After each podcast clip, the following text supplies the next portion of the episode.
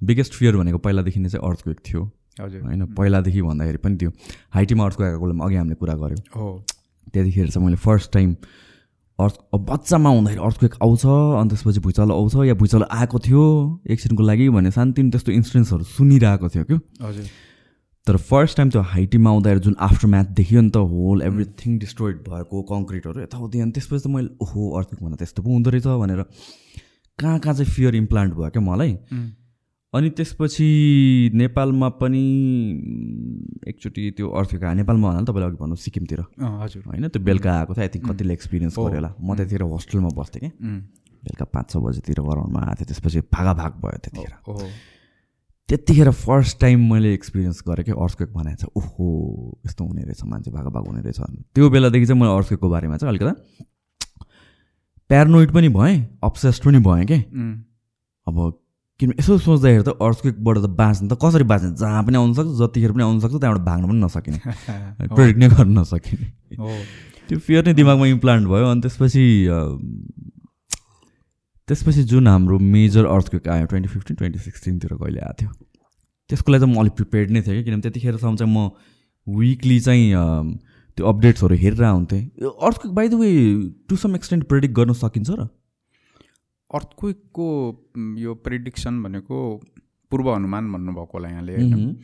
पूर्व अनुमान चाहिँ कस्तो भनेदेखि सर्वसाधारणले बुझ्ने भाषामा मैले भन्ने हो भने उदाहरणको लागि तपाईँ हामी यो पृथ्वीमा सधैँभरि रहँदैनौँ भन्यो भने त पूर्व अनुमान त मिल्यो नि त।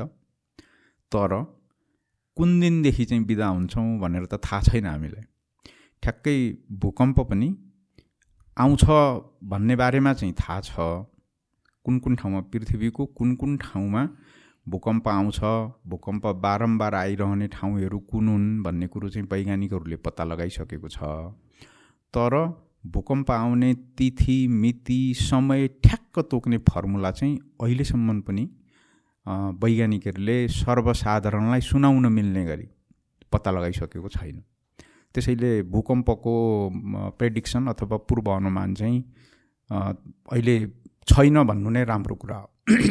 सो आई डोन्ट नो कतिको एक्युरेट हुन्छ तर मैले चाहिँ कस्तो चाहिँ युट्युबहरूमा चाहिँ हुने रहेछन् फ्यु पिपलहरू जस्तो कि यो कोस्टमा चाहिँ यस्तो अर्थक्वेक आएको थियो यतिको। सो यसको प्रेसर यो एडजस्टेन्ट प्लेटमा गएर रिलिज हुनसक्छ नेक्स्ट कपाल अफ डेजमा काइन्ड अफ अलर्टहरू दिने कि? त्यस्तो हेर्न चाहिँ म अब्सेस्ड नै भएको थिएँ कि त्यो पोइन्टमा सो विकली जस्तै हेर्थेँ त्यतिखेर होइन? होइन तर अब त्यही त एकदम यहाँले भने जस्तो केही हप्ताभित्रमा फेरि जाला अथवा केही महिनामा जाला केही वर्षमा जाला भन्ने कुराहरू छन्। तर ठ्याक्कै ठ्याक्कै चाहिँ यो यो दिन यति बजेर यति मिनट गएपछि भुइँचालो जान्छ भन्ने खालको तरिकाले चाहिँ अहिलेसम्म। वैज्ञानिकहरूले त्यो फर्मुला त्यो सूत्र पत्ता लगाउनु भएको छैन। जस्तो कि हरिकेनहरू भल्केनोहरू टु सम एक्सटेन्ट चाहिँ आउन लागेको छ भनेर प्रेडिक्ट गर्छ नि त बिकज अफ के के सर्टन कुराहरू जस्तो भूकम्पको केसमा पनि अब यस्तो पनि भयो क्या। भूकम्प भनेको चाहिँ कस्तो विपद हो भने यो दोहोरिएर आउने समय कहिलेकाहीँ हजार वर्ष पनि हुनसक्छ। कहिलेकाहीँ सय वर्ष पनि हुनसक्छ। अब मानिलिउँ हजार वर्षमा दोहोरिने खालको भूकम्प छ भनेदेखि हामीले त्यति सजिलैसँग ठ्याक्कै अब चाहिँ बेला भयो है भनेर हामीले भन्न सक्दैनौँ। अनि त्यसको लागि हामीले उपकरणहरू जडान गरेर अनि भित्र के कति शक्ति सञ्चय भइराखेको छ भनेर हिसाब किताब गर्न सकिन्छ? र त्यो हिसाब किताबले के देखिन्छ भनेदेखि अब बेला भयो होइसम्म चाहिँ भन्न सकिन्छ। तर त्यो ठ्याक्कै यही बेला हो भनेर भन्न चाहिँ सकिँदैन। यसलाई अझ बुझ्ने गरी भन्ने हो भने जस्तो हाम्रो हिमालय क्षेत्र भनेको चाहिँ बारम्बार भुइँचालो जाने क्षेत्र हो। र हाम्रो देशको खास गरेर पश्चिमी भागलाई यदि यहाँले पनि पहिला पहिला सुन्नुभएको हुनुपर्छ नेपालको पश्चिमी भाग चाहिँ भूकम्पको लागि एकदम नै तयार भइसकेको हो भूकम्प आउन ढिलो भइसकेको हो पूर्व तयारी गर्नुपर्छ भनेर वैज्ञानिकहरूले भनिराख्नु भएको नै हो। त्यो कुरो अझै पनि लागू भइराखेकै नै छ। तर प्रश्न के हो त भन्दाखेरि किन आएन त भनेर सोध्ने लेभलको प्रश्नको जवाफ चाहिँ हामीसँग छैन। त्यो आउन सक्छ। आज पनि आउन सक्छ भोलि पनि आउन सक्छ अथवा एक वर्षपछि आउँछ या दस वर्षपछि आउँछ या सय वर्षपछि आउँछ। आउन चाहिँ पक्का आउँछ। र हामीले अझ त्यसलाई जस्तो घटाउँदै घटाउँदै लगभग यति वर्षभित्र आउँछ अथवा यति महिनाभित्र आउँछ भनेर भन्नका लागि चाहिँ गहन अनुसन्धान गर्नुपर्ने हुन्छ। हाम्रो देशमा अनुसन्धान सुरुवात नै भएको छैन। तर त्यो टु सम एक्सटेन्ट चाहिँ त्यसो भए पोसिबल छ। तर तिथिमिति तोक्न चाहिँ। तिथिमिति तोक्न अराउन्ड यति भनेर चाहिँ अँ, त्यो चाहिँ त्यो चाहिँ कसरी भनेपछि जस्तो उदाहरणको लागि भुइँचालो जस्तो अहिले के भनियो भने यो बहत्तर सालमा आएको जस्तै भुइँचालो चाहिँ एक सय बयासी वर्ष अगाडि पहिला आएको थियो भन्ने खालको कुराहरू पनि छ। र मानिलिउँ यो भुइँचालो एक सय बयासी वर्षपछि पुनः आएको रहेछ भने अब अर्को एक सय बयासी वर्षपछि सम्भवतः यो भूकम्प फेरि आउन सक्छ भनेर भन्न सकिन्छ। तर त्यसको लागि- बेसमा अँ तर त्यसको लागि के भयो त भन्दा हामीसँग दुई चार हजार वर्षको मानिलिउँ पाँच हजार वर्षको इतिहास हामीसँग सबै तयार थियो भने बल्ल बोल्न सकिन्थ्यो। हामीसँग त्यो छैन। जबसम्म त्यो बनाउन सकिँदैन तबसम्म त्यो बोल्न सकिँदैन। त्यसैले इतिहास भूकम्पको इतिहास हामीले बनायौँ भने चाहिँ यहाँले भन्नुभए अनु अनुसार नै केही हदसम्म अब भुइँचालो जाने सम्भावित समय हो है भनेर भन्न सकिन्छ। जुन यो नब्बे सालमा पनि भूकम्प आएको थियो भन्थ्यो नि त्यो त्यो कुन स्केलको थियो? अस्तिको जस्तो थियो र? होइन यता विक्रम सम्मत नब्बे साल भन्नुभएको। होला यहाँले होइन? यता अर्को सनमा उन्नाइस सय चौतिस त्यो पनि आठ पोइन्ट चार अस्तिको भन्दा ठुलो ठुलो भुइँचालो आएको हो त्यो आठ पोइन्ट चार यो मोमेन्ट म्याग्निच्युड भन्छौँ हामीहरू एमडब्लु स्केलमा। अस्ति आएको सात पोइन्ट आठ हो। त्यसैले त्योभन्दा ठुलो थियो नब्बे सालको भुइँ भुइँचालो। ठ्याक्क नब्बे सालभन्दा सय वर्ष अगाडि पनि भुइँचालो आएको थियो। त्यो मैले सुन्ने चाहिँ त्यही हो एभ्री अस्सी नब्बे वर्षको डिफ्रेन्समा चाहिँ नेपालमा आउँछ भन्ने काइन्ड अफ कुरा थियो।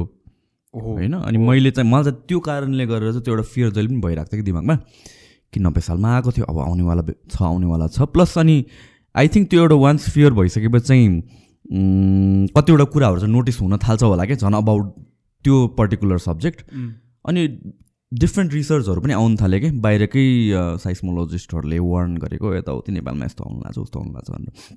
सो त्यो म चाहिँ मेन्टल चाहिँ समवाट आउनेवाला छ भनेर प्रिपेयर्ड थिएँ त्यो चार पाँच वर्षको डिफ्रेन्समा अनि ठ्याक्क अर्थको काममा आयो। उम्।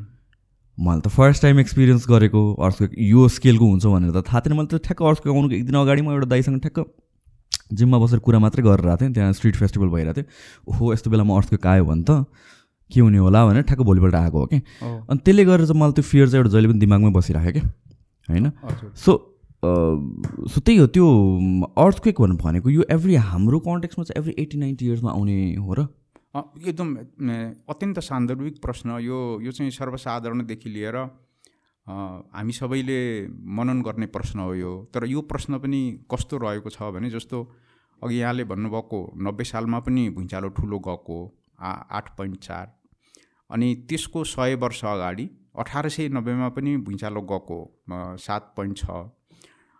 अब त्यसपछि आएर यी दुई हजार ब बहत्तरमा गयो तर के बुझ्नु पऱ्यो भने नब्बे सालमा आएको भुइँचालो नै पुनः पुनः आवृत्ति भएर यो बहत्तर सालमा आएको होइन।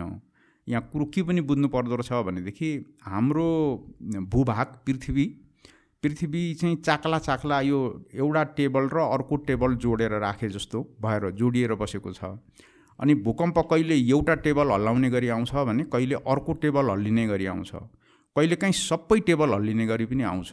त्यसैले हामीले लगभग सय वर्षमा भूकम्प आउँछ भनेको चाहिँ हामीसँगको इतिहास अहिलेसम्म हेर्ने हो भने सबभन्दा पुरानो भूकम्प आएको भनेको बाह्र सय तेइस सन् बाह्र सय तेइसको। अनि त्योभन्दा अगाडिको भूकम्पको इतिहास हामीले बनाएकै छैन। भनेको बाह्र सय तेइस हेर्ने बित्तिकै आठ नौ सय वर्षको भन्दा बढी इतिहास हामीसँग छँदै छैन। र त्यो आठ नौ सय वर्षको पनि विस्तृत अध्ययन गरेर सबै जति भूकम्प विगत आठ नौ सय वर्षमा गए त्यो सबैको तथ्याङ्क हामीले तयार गऱ्यौँ। वैज्ञानिक कस कुन प्रकृतिका भूकम्पहरू थिए भनेर तयार गऱ्यौँ भन्ने स्थिति हामीसँग छैन। त्यसैले वास्तवमा भूकम्प कति वर्षपछि आउँछ भनेर भन्ने कुरो चाहिँ गाह्रो कुरा हो। किनभने बहत्तर सालको भुइँचालो नै दुई हप्ताको बिचमा हेर्नुहोस् त कति ठुलो भुइँचालो आयो। हो त। अनि सय वर्षपछि आउँछ भन्नै मिलेन। दुई हप्तापछि नै त्यत्रो ठुलो भुइँचालो आएको छ। त्यसै गरी अब अठार सय नब्बे र उन्नाइस सय नब्बेमा झन्डै सय वर्षको फरकमा भुइँचालो आएको सत्य हो। अब त्यसपछि अहिले बहत्तरमा आयो सय वर्ष पुग्नु नै परेन। त्यसैले के देखिन्छ भने सबै हिमालय क्षेत्रमा हिमालय क्षेत्र भन्नाले हाम्रो नेपालमा भएको हिमालय मात्रै चाहिँ होइन। यो हिमालय भनेको चाहिँ झन्डै चौबिस सय किलोमिटर लामो छ। त्यसमध्ये बिचको भाग आठ सय किलोमिटर चाहिँ हामीमा पर्छ। र यो हिमालय क्षेत्र पश्चिम अफगानिस्तानदेखि पूर्व म्यानमारसम्मको जुन चौबिस सय किलोमिटर लामो भाग छ त्यहाँ गएको भूकम्पहरूको पुनरावृत्ति हेर्दाखेरि कुनै कुनै भूकम्पहरू आठ सय वर्षमा दोहोरिएका छन्। आठ सय वर्ष। अँ कुनै कुनै भूकम्पहरू हजार वर्षमा दोहोरिएको हुनसक्ने सम्भावनाका कुराहरू पनि आएका छन्। कुनै भूकम्पहरू सय वर्षमा दोहोरिएका कुराहरू पनि आएका छन्। त्यसैले हामीले सबै अध्ययन गरेर एकदम यो क्षेत्रमा यति वर्षपछि भूकम्प दोहोरिन्छ भन्ने लेभलमा हाम्रो अनुसन्धान पुगेको छैन। तर हामीले के चाहिँ बुझ्नु पर्यो त भने भुइँचालो यहाँ बारम्बार आइरहेको छ सबभन्दा महत्त्वपूर्ण बुझ्ने कुरो चाहिँ भुइँचालो यहाँ बारम्बार आइरहेको छ पहिला पनि भुइँचालो आएको थियो। हामीले पनि भुइँचालो आएको आफैले भोग्यौँ। भने आउने दिनमा पनि यो भुइँचालो पक्का आउँछ भनेर एउटा कुरो स्वीकार्नु पर्यो सबभन्दा पहिलो कुरो स्वीकार्नु पर्ने कुरो एक।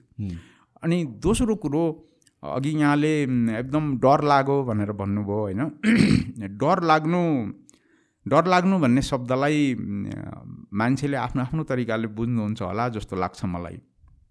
जस्तो उदाहरणको लागि जो मान्छेले त्यो हामी सर्प भन्छौँ नि सपेरा स्नेक सर्पलाई चलाउने मान्छे ऊ सर्पदेखि डराउँदैन। तर हामीले देख्ने बित्तिकै हाम्रो एकदम नै सातो उडिहाल्छ होइन। भनेको ऊ किन डराउँदैन भन्दा उसलाई सर्पको आनी बानी सबै थोक थाहा छ। त्यसैले ऊ डराउँदैन। हामी डराउँछौँ किनभने हामीलाई उस हामीले चाहिँ उसले बाइट गर्यो भने हाम्रो डेथ हुनसक्छ भन्ने परेको हुना हामी डराउँछौँ। त्यसै गरी भूकम्पलाई पनि हामीले के बुझ्यौँ भने भूकम्प आउने बित्तिकै सारा तस नस हुन्छ मानिसहरूको मृत्यु हुन्छ हामी आफै पनि चाहिँ नै सकिन सक्छौँ भनेर डराउने एउटा एउटा कुरो हो। तर बुझ्नु के पर्यो भने यो भूकम्प यो भूकम्पको क्षति बेहोर्ने मान्छे हामी पहिलो मान्छे होइनौँ। यो संसारमा कैयौँ ठुला ठुला विध्वंसकारी भूकम्पहरू गएका छन्। र त्यो विध्वंसकारी भूकम्पहरू आउँदाखेरि लाखौँ मान्छे केही सेकेन्डमा लाखौँ मान्छेको ज्यान गएको छ। त्यो त्यो इतिहास हामीसँग छ र पछि अनुसन्धान गर्दा के देखियो भनेपछि मान्छे मारिएको त भूकम्पको कारणले होइन। मान्छे मारिएको त हामीले भवन गल्ती तरिकाले बनाएको हुनाले भवन लड्दाखेरि भवनले किचिएर चाहिँ हामी मरेका हौँ। तर भूकम्प आफैले मान्छे मारेको चाहिँ होइन। र वैज्ञानिकहरूले प्राविधिकहरूले इन्जिनियर साथीहरूले अनुसन्धान गरिसकेपछि के पत्ता लाग्यो भने भूकम्प आउँदाखेरि अत्यन्त न्यून क्षति हुने गरी भवन बनाउन सकिन्छ। र त्यस्तो भवनमा हामी बस्ने हो भनेदेखि भूकम्प आउँदा हामी डराउनु पर्दैन। त्यो आउँछ त्यो जान्छ। त्यसैले यो प्रविधि पनि छ। यो प्रविधि प्रयोग गरेर अहिले विकसित देशहरूमा बनाएका भवनहरूमा भूकम्पले त्यति ठुलो क्षति पुर्याउँदैन। यो कुरालाई हामीले स्वीकार्ने हो भनेदेखि हामी पनि भुइँचालोसँग डराउनु पर्दैन। जस्तो उदाहरणको लागि यो डराउने र नडराउने कुरोको अझ म एउटा कुरो यहाँलाई बताउन चाहन्छु। जस्तो हामी अब हामी पानी खान्छौँ नि जस्तो यो अहिले चिया कफी खाइराखेका छौँ। भनेपछि पानी हामीलाई एकदम अत्यन्त जीवन जीवनलाई धान्नको लागि पानी नभई हुँदैन। यही पानी धेरै नै परो वर्षाको बेलामा अच्चकाली पानी पऱ्यो भने बाढीले क्षति विक्षति गर्छ। भने अब यो पानीलाई शत्रु भन्नु कि मित्रु भन्नु भन्ने प्रश्न जस्तै भयो। भनेको मैले यहाँलाई के मात्रै भन्न खोजेँ भनेदेखि प्रकृतिका केही नियमहरू छन् र प्राकृतिक केही प्रक्रियाहरू छन्। जस्तो पानी पर्नु पनि प्राकृतिक प्रक्रिया हो। हुरी बतास चल्नु पनि प्राकृतिक प्रक्रिया हो। यो भोल्क्यानो एरप्सन हुनु पनि प्रा प्राकृतिक प्रक्रिया हो। त्यो भने जस्तै भूकम्प जानु पनि प्राकृतिक प्रक्रिया हो। हामीले आकाशबाट परेको पानीबाट बच्नका लागि राम्रो घर बनाएर बस्न थाल्यौँ अचेलबेरी जतिसुकै ठुलो पानी परे पनि घरभित्र पानी त चुहुँदैन त्यसै गरी हामीले खोला किनारमा पनि बाढीबाट बच्नका लागि विभिन्न उपायहरू अवलम्बन गरेर बसेका छौँ बस्न सकिन्छ। खोलामा बाढी आउँछ तर बाहिर अलिक टाढा भएको मान्छेलाई त केही पनि हुँदैन। हो त्यसै गरी हामीले भूकम्प आउँदाखेरि पनि भूकम्प त आउँछ रोक्न नसकिने कुरो भयो। त्यसैले भवन चाहिँ भूकम्प प्रतिरोधक बनाऊ र त्यो भूकम्प प्रतिरोधक भवन बनाउनलाई हामीसँग प्राविधिक साथीहरू हुनुहुन्छ। हाम्रै देशका विश्वविद्यालयमा कलेजमा पढेर भूकम्प प्रतिरोधक भवन बनाउन सक्ने इन्जिनियर साथीहरू हुनुहुन्छ। उहाँहरूको सहयोग लिएर हामीले भवन बनाउने हो भनेदेखि बाटाघाटा बनाउने हो भनेदेखि हामीले यो भुइँचालोसँग डराउनु पर्दैन। त्यस्तो घर बनाउनु भयो भनेदेखि यहाँले पनि अब उपरान्त त्यो भुइँचालोबाट डराउनै पर्दैन। बरु चाँडै भुइँचालो आओस् मेरो घर कस्तो हल्लिँदो रहेछ म हेर्छु भन्ने यहाँलाई उत्साह भएर आउँछ। त्यो ज्ञान र अज्ञानताको त्यो फरक चाहिँ हामीले पनि बुझ्नु पऱ्यो र अरू साथीभाइ इष्टमित्रहरूलाई पनि बुझाउनु पऱ्यो किनभने यहाँलाई अझ म एक दुईवटा कुराहरू भन्छु। भूकम्प चाहिँ हाम्रो भूकम्पले मानव सभ्यतालाई कुभलो गरेको छैन मेरो बुझाइमा। बरु भूकम्पले हामीलाई सहयोग गरेको छ। म उदाहरण दिन्छु यहाँलाई कसरी सहयोग गरेको छ भनेर। जस्तो यहाँलाई सम्झना हुनुपर्छ अथवा पत्र पत्रिकामा पढ्नुभयो होला बहत्तर सालको भूकम्प जाँदाखेरि काठमाडौँ वरिपरि चाहिँ झन्नै झन्नै एक दशमलव छ मिटर जमिन उचालियो। उता रसुवातिर धसियो। बहत्तर सालको भुइँचालो आउँदा एक दशमलव छ मिटर उचालियो भनेदेखि यो पृथ्वीमा त लाखौँचोटि भुइँचालो गएका छन्। भनेपछि त्यो लाखौँचोटि पृथ्वी उचालियो। हो त उचालिने क्रम उचालिँदै उचालिँदै उचालिँदै उचालिँदै गएर पो संसारको सबभन्दा अग्लो सगरमाथा बनेको हो त। त्यो हामीले बनाएको त होइन त्यो त भूकम्पले बनाएको हो। तर हामीहरू अहिले गौरवका साथ भन्छौँ मेरो देशमा सगरमाथा छ भनेर। त्यो हामीले बनाएको हो र त्यो भूकम्पले बनाएको हो। त्यसैले भूकम्पले हामीलाई गौरव गर्ने त्यति राम्रो पहाड दिएको छ भनेपछि भूकम्पसँग गुनासो गर्नुपर्ने कुरो छँदै छैन। यो पहाडहरू भूकम्पले गरेर बन्ने हो र? हो। ए। हाम्रो देशका यी पहाडहरू बन्ने प्रक्रियामा भूकम्पको अहम भूमिका छ। जसरी अघि मैले भने काठमाडौँ उचालियो भनेर उचालिनु भनेको पहाड बन्ने प्रक्रिया हो उचालिनु भनेको पहाड बन्नु हो। हो यी चाहिँ धेरैचोटि भूकम्प जाने क्रममा यी पहाडहरू उचालिँदै उचालिँदै गएका हुन्। र सुरुमा यी पहाडहरू बन्नुभन्दा अगाडि जुन मनसुनी हावा थियो त्यो हावा त यहाँ हावालाई छेक्ने कुनै पहाडै थिएन। त्यसैले हावा यता तिब्बत क्रस गरेर उता जापानतिर जान्थ्यो। जब यी हावाहरू सरी यी पहाडहरू उचालिँदै उचालिँदै उचालिँदै अग्ला हुन थाले यिनीहरूलाई मनसुनी हावा ठ्याक्क छो यिनीहरूले चाहिँ बाटो छेकेर बसे त्यसपछि वर्षा हुन थाल्यो वर्षा भएपछि बल्ल हाम्रा पिता पुर्खाले यहाँ खेतीपाती गर्न थाले। अनि हेर्नुहोस् त हामी खाए लाए जस्ता एकदम सन्तुलित भोजन खाएका मान्छे जस्ता भएका छौँ अप्रत्यक्ष रूपले भुइँचालोले हामीलाई यो माटो बनाइदिएको त्यस कारणले पनि हो। जस्तो भूकम्प जाँदाखेरि पहिरो गएको त हामीले देख्यौँ नि। यदि त्यो पहिरो नजाने हो भने त हाम्रा पहाडका भिरहरू सधैँ भिर नै भइरहेको थिए त्यो पहिरो गयो माटो बन्यो अलिकति जमिन भिरालो भयो त्यसपछि हामीले त्यहाँ खेतीपाती गर्न थालेका हौँ। त्यसैले यो प्राकृतिक प्रक्रिया प्राकृतिक कारणले नै आउँछ। हामीले त्यसलाई रोक्न सक्दैनौँ तर त्यो प्रक्रियाले दिएको मौकाको चाहिँ हामीले सदुपयोग गर्नुपर्छ। त्यसरी नै मात्रै मानव सभ्यता अगाडि बढिराखेको पनि हो र हामीले पनि यो कुरालाई बुझ्नुपर्छ। त्यसैले भूकम्पलाई भूकम्पलाई प्राकृतिक प्रक्रिया र सहयोगीको रूपमा बुझौँ। असहयोग असहयोगीको रूपमा हामीले बुझ्नु हुँदैन। किनभने प्रकृतिले हामी पनि प्रकृतिका उपज हौँ भुइँचालो पनि प्रकृतिको उपज हो भनेपछि त मिलेर बस्न सिक्नु पऱ्यो नि दाजुभाइ हुँ भनेर भावना राख्नु पऱ्यो नि। अझ अझ यसलाई म अलिकति बढाएर भन्ने हो भने हामी हामी भनेको मान्छे मान्छे यो यो यो नेपालले ओगटेको भूगोलमा हामी मान्छे आउनुभन्दा अगाडि पनि यहाँ भुइँचालो जान्थ्यो। अब अहिले पनि भुइँचालो जाँदैछ। कालान्तरमा एउटा बिन्दुमा मानव सभ्यता रहँदैन भनेर वैज्ञानिकहरूले भनिसकेका छन्। तर भुइँचालो त अझै पनि बाँकी रहन्छ। भन्नुको अर्थ हामीभन्दा यो जेठो यो हामीभन्दा दीर्घजीवी छ भनेपछि योसँग मिलेर बस्नु पो बुद्धिमत्तापूर्ण कुरो हो त। योसँग डराएर अतालिएर गर्नुपर्ने कुरो केही पनि छैन।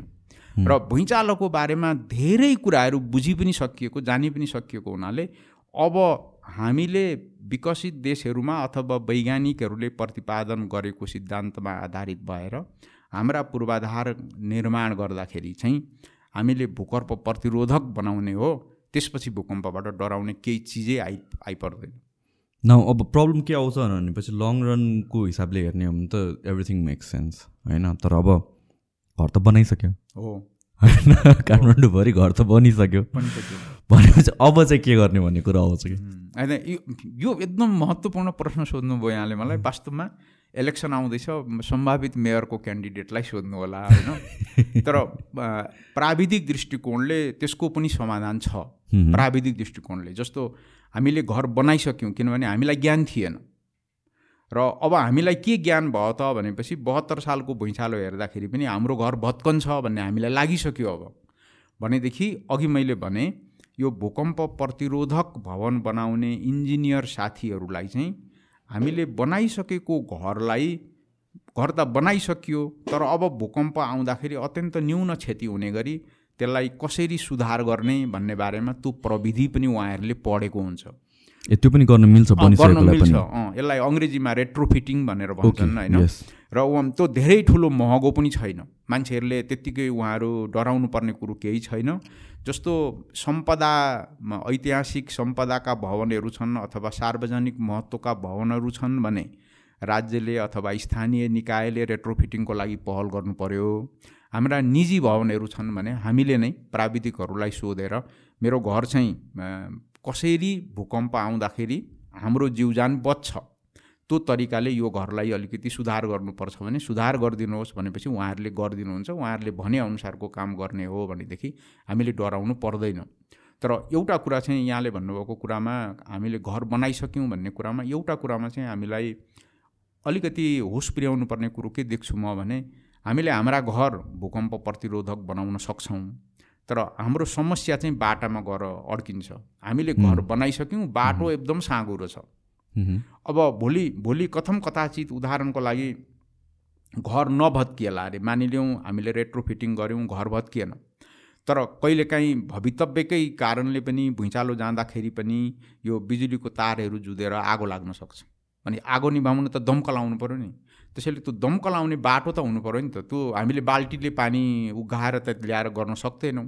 हो त्यो बाटोलाई अब हामीले कसरी फराकिलो बनाउने भन्ने बारेमा चाहिँ अब इलेक्सन पनि हुँदैछ। यो राजनीतिक एजेन्डा हो। प्रत्येक घरमा दमकल र एम्बुलेन्स पुग्ने बाटो हुनैपर्छ सहरभित्र। त्यसको लागि हामीले बाटो फराकिलो गर्नको लागि के कसरी योजना गर्न सक्छौँ? त्यो काम हामी गरौँ भनेर हामी लागि पऱ्यौँ भनेदेखि व्यक्ति विशेषको घर पनि बन्छ बाटो बनिसकेपछि उद्धार र राहतको लागि पनि धेरै सजिलो हुन्छ। हो यो बाटोको केस चाहिँ महत्त्वपूर्ण कुरा हो भन्ने मलाई लाग्छ। यो रेट्रोफिटिङमा खासमा गर्ने चाहिँ के हो? त्यसको पछाडि रेट्रोफिटिङलाई नेपालीमा प्रबलीकरण भन्छन्। यसमा गर्ने चाहिँ के हो भनेदेखि इन्जिनियर साथीहरूलाई चाहिँ घर हल्लिँदाखेरि घर हल्लिँदाखेरि कुन भाग बढी हल्लिन्छ अथवा कहाँनिरको भाग कमजोर छ कहाँनिरको भाग ठिकै छ भनेर उहाँहरूले हिसाब किताब गर्न सक्नुहुन्छ। भुइँचालो आउँदाखेरि त हल्लिने हो नि त घर। हो त हल्लिँदाखेरि कमजोर भाग कहाँ छ भन्ने कुरो उहाँहरूले थाहा पाउनुहुन्छ र त्यो कमजोरलाई दह्रो बनाइदिनुहुन्छ मजबुत बनाइदिनुहुन्छ। त्यो मजबुत बनाउनका लागि केही तरिकाहरू छन्। त्यो त्यो तरिकाहरू उहाँहरूले बताइदिइसकेपछि त्यो काम गर्न सकिन्छ। अगेन यो जुन मुभमेन्ट हुन्छ त अर्थक्वेक आएको बेलामा यो पनि इट रियल डिपेन्ड्स अपन यो अर्थक्वेकको फ्रिक्वेन्सी या वेभलेन्थ समथिङ होइन कुनै अर्थक्वेकले आई थिङ्क लामो बिल्डिङलाई अफेक्ट गर्छ कुनै अर्थक्वेकले सानो बिल्डिङलाई अफेक्ट गर्छ बिकज अफ द फ्रिक्वेन्सी त्यस्तै केही हुन्छ के अरे हजुर हो। होइन सो जुन एउटा भनाइ छ कि लाइक अग्लो घर नबनाउँ अग्लो घर मात्र अर्थक्वेकले गरेर जान्छ भने त्यो त्यो कतिसम्मको त्यसमा रियालिटी छ र? होइन यस्तो त्यो त्यो कुरो चाहिँ कस्तो हो भने फेरि पनि यो भुइँ भूकम्प सुरुवात पृथ्वीभित्र हुन्छ। जो उद्गम स्थल भन्छौँ नि हामीले फोकस भन्छौँ। अनि त्यहाँबाट भूकम्पका तरङ्गहरू हाम्रो पृथ्वीको जमिनतिर आउँछ। अनि जमिनतिर आउँदाखेरि उद्गम स्थलदेखि हामी बसेको घरसम्म आउँदाखेरि त्यो तरङ्गले बाटामा विभिन्न किसिमका चट्टानहरू भेट्दै आउँछ। अनि त्यो त्यो तरङ्गको प्रकृति भनौँ न त्यो तरङ्गको प्रकृति चाहिँ चट्टान अनुसार नै फरक पर्दै जान्छ। यदि चट्टान भएको ठाउँमा छ भनेदेखि त्यो तरङ्ग अलिक धेरै हल्लिँदैन बिस्तारी हल्लिएको महसुस हुन्छ। तर त्यही तरङ्गले चट्टानलाई छोडेर माटोमा प्रवेश गर्यो भनेदेखि त्यो एकदम नै धेरै हल्लिन्छ। र जस्तो काठमाडौँ उपत्यका त सबै माटो छ कचौरामा दही भरेको हो भन्छौँ हामीहरूले। त्यसैले भूकम्पीय तरङ्ग त्यो कचौरा भनेको चट्टान सम्झिनु पऱ्यो त्यो चट्टानबाट माटोमा प्रवेश गरिसकेपछि त्यो माटो एकदम नै धेरै हल्लिन्छ चट्टानको दाँजोमा धेरै हल्लिन्छ। अब प्रश्न के भयो भने त्यो माटोबाट पनि तरङ्ग हाम्रो घरभित्र प्रवेश गर्छ नि त। अनि हाम्रो घरको हल्लिने प्रकृति एक किसिमको हुन्छ। हाम्रो घरको जगमा भएको माटोको हल्लिने प्रकृति अर्कै किसिमको हुन्छ। त्यो जगमा हल्लिने माटोको प्रकृति र हाम्रो भवन हल्लिने प्रकृति एउटै भयो भने खपी नसक्नु घर हल्लिन्छ। यो कुरालाई यहाँले कसरी बुझ्नु पऱ्यो भने झोलुङ्गे पुलमा यहाँ यात्रा गर्दै हुनुहुन्छ र झोलुङ्गे पुलमा तपाईँ हल्लिनु भयो भने पुल पनि सँगसँगै हल्लिन्छ नि। त्यो पुल सँगसँगै पुल जसरी हल्लिन्छ तपाईँ पनि त्यसरी नै हल्लिनु भयो भने पुल झनै धेरै हल्लिन्छ र तपाईँले फ्याँकिदिन्छ। हो। ठ्याक्कै त्यही प्रक्रिया लागु हुन्छ। यहाँ यहाँ पनि ठ्याक्कै त्यही प्रक्रिया लागु हुन्छ। त्यसैले भूकम्प प्रतिरोधक भवन बनाउँदाखेरि इन्जिनियर साथीहरूलाई अब आउने सम्भावित भूकम्प कुन किसिमको हुन्छ होला र जगको माटोमा त्यो तरङ्गको प्रकृति के हुन्छ होला र त्यो तरङ्ग हाम्रो भवनमा आउँदा कसरी एकै किसिमको नबनाउने भनेर उहाँहरूले त्यो बुद्धि लगाउनुहुन्छ र उहाँहरूको सल्लाह लिएर बनाएको छ भनेदेखि जतिसुकै तलले घर बनाए पनि डराउनु पर्दैन। सो सो एक तलले नै घर हुनुपर्छ काइन्ड अफ एउटा जुन अर्थको लास्ट टाइम आउँदाखेरि सबजना डराएको थियो होइन? भनाइ के थियो भने चाहिँ होइन घर भनेको त सानै हुनुपर्छ एक तलाको हुनुपर्छ अनि अर्थक्वेकले एफेक्ट गर्दैन भन्ने। That is not necessarily true त्यो सत्य होइन। होइन। किनभने धेरै तलाको घर पनि बनाउन सकिन्छ तर प्राविधिकको सल्लाह पनि क्या मैले इन्जिनियरको सल्लाह लिएर इन्जिनियर साथीलाई स्पष्टसँग भन्नु पर्यो भूकम्प आउँदैछ भन्ने मलाई थाहा छ। भूकम्प आउँदाखेरि म यो घरको छानामा बसेर कहाँ कहाँ क्षति भएछ हेर्नु पऱ्यो त्यसपछि मैले उद्धार गर्ने हो। म त लक्का नौजवानहरूको नेतृत्व लिने मान्छे हौँ तपाईँ सक्नुहुन्छ भने यो भवन बनाइदिनुहोस्। तपाईँको विधामा सक्दैन भने विधा हौँ के हो? तपाईँले सक्ने कि नसक्ने भनेर इन्जिनियरलाई सोधेपछि अनि इन्जिनियरले होइन पिर नगर्नुहोस्। यो यो म तपाईँले भनेअनुसारको गरिदिन्छु भनेर उहाँले गर्नुहुन्छ। त्यसमा बिल्कुल चिन्ता लिनु पर्दैन। यो यो कसरी बुझ्नु पऱ्यो भने जस्तो भूकम्पको नि यो यहाँले आफ्नै हात सम्झे पनि हुन्छ। भूकम्प आउँदाखेरि सजिलो तरिकाले भन्दा चाहिँ एउटा यसरी बिस्तारी हल्लिन्छ मैले हात हल्लाएँ जस्तो। यो यो एक किसिमको तरिका। अर्को चाहिँ यसरी हल्लिन्छ जमिन। हो। अब यो दुई किसिमको प्रवृत्ति हल्लिँदा यो चाहिँ जमिन हल्लिएको देखाएँ नि त मैले। हो जमिन यसरी हल्लिँदाखेरि भवनलाई क्षति नपुग्ने गरी बनाउने तरिका चाहिँ इन्जिनियर साथीहरूलाई थाहा छ। त्यसैले उहाँहरूले गर्नुहुन्छ यो काम।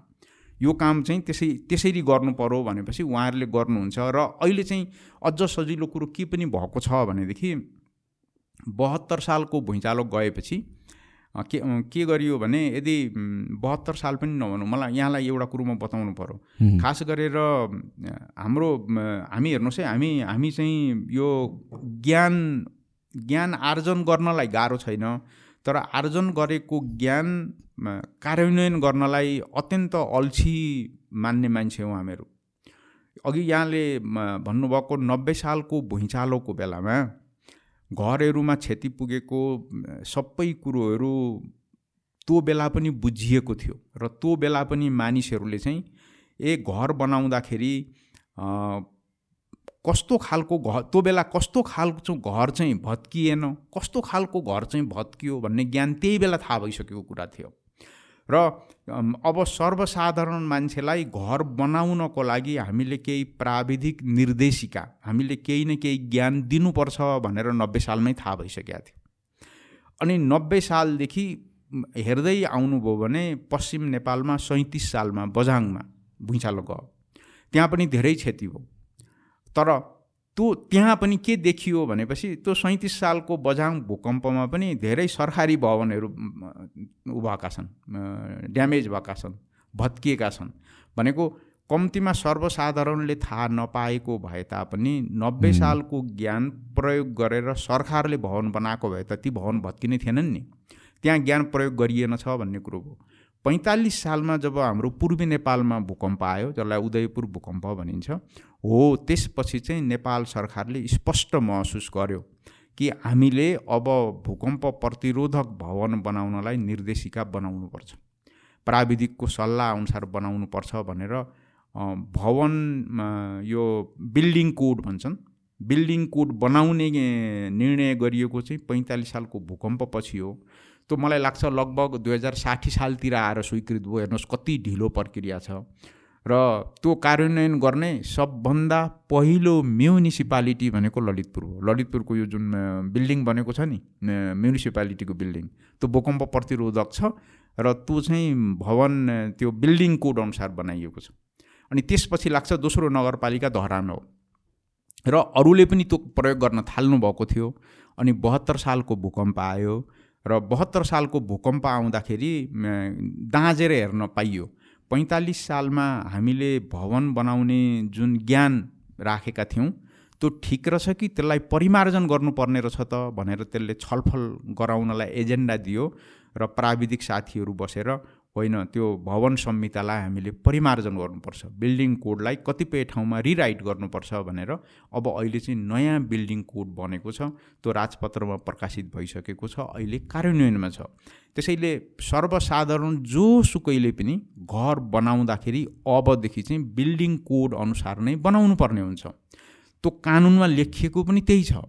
र के भनिएको छ भने प्रत्येक म्युनिसिपालिटीमा अथवा नगरपालिकाहरूले अथवा पालिकाहरूले घर जस्तो मैले घर बनाउन चाहेँ भने मलाई त पालिकामा पालिकामा नक्सा बुझाएर पालिकाको इन्जिनियर साथीहरूले ल ठिक छ घर बनाउनुहोस् भनेपछि मात्रै घर बनाउन पाइन्छ नभए घर बनाउन पाइँदैन।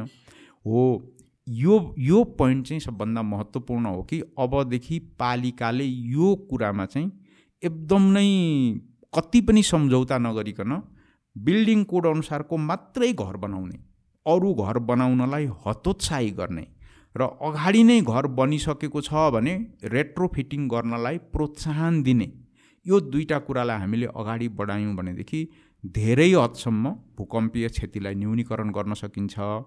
तर मैले समस्या कहाँ देख्छु भने नगरपालिकामा त्यो नक्सा भने त कागजमा कोरेको नक्सा हो नि त त्यो नक्सा चाहिँ भूकम्प प्रतिरोधक हुने खालको देखियो भनेको त्यो डिजाइन हो इन्जिनियरिङ डिजाइन। त्यसलाई चाहिँ नगरपालिकाले स्वीकृति दिने अथवा परिमार्जन गर्न लगाउने भन्ने प्रावधान छ।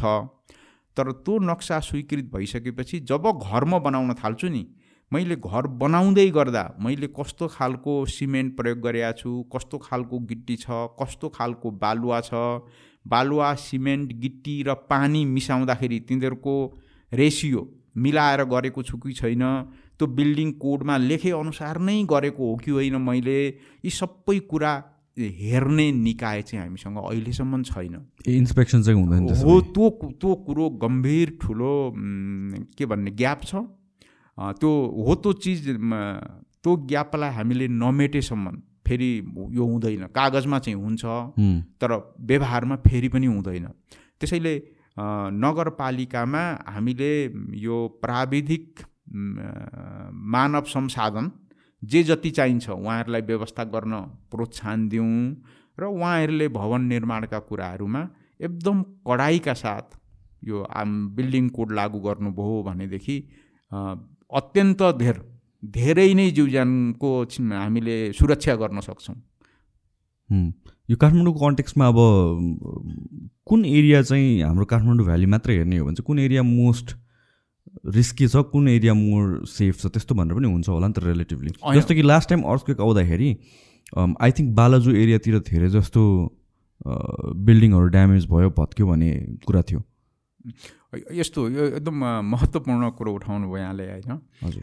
प्रत्येक भूकम्पले केही न केही ज्ञान हामीलाई छोडेर गएको हुन्छ। तर हामी त्यो ज्ञान लिन सक्षम छौँ कि छैनौँ भन्ने प्रश्न हो। जस्तो भयो के भने त्यो बहत्तर सालको भूकम्पमा इन्जिनियरले स्वीकृत गरेका भवनहरू पनि भत्किएका छन्। नगरपालिकाबाट स्वीकृत गराएर बनेका घरहरू र यो घर नक्सा अनुसार बनेको छ भनेर नगरपालिकाले प्रमाणपत्र दिएका घरहरू पनि भत्किएका छन्। तर ती घर किन भत्किए त भनेर कुनै निकायले पनि अनुसन्धान अगाडि बढाएन चासो पनि देखाएन।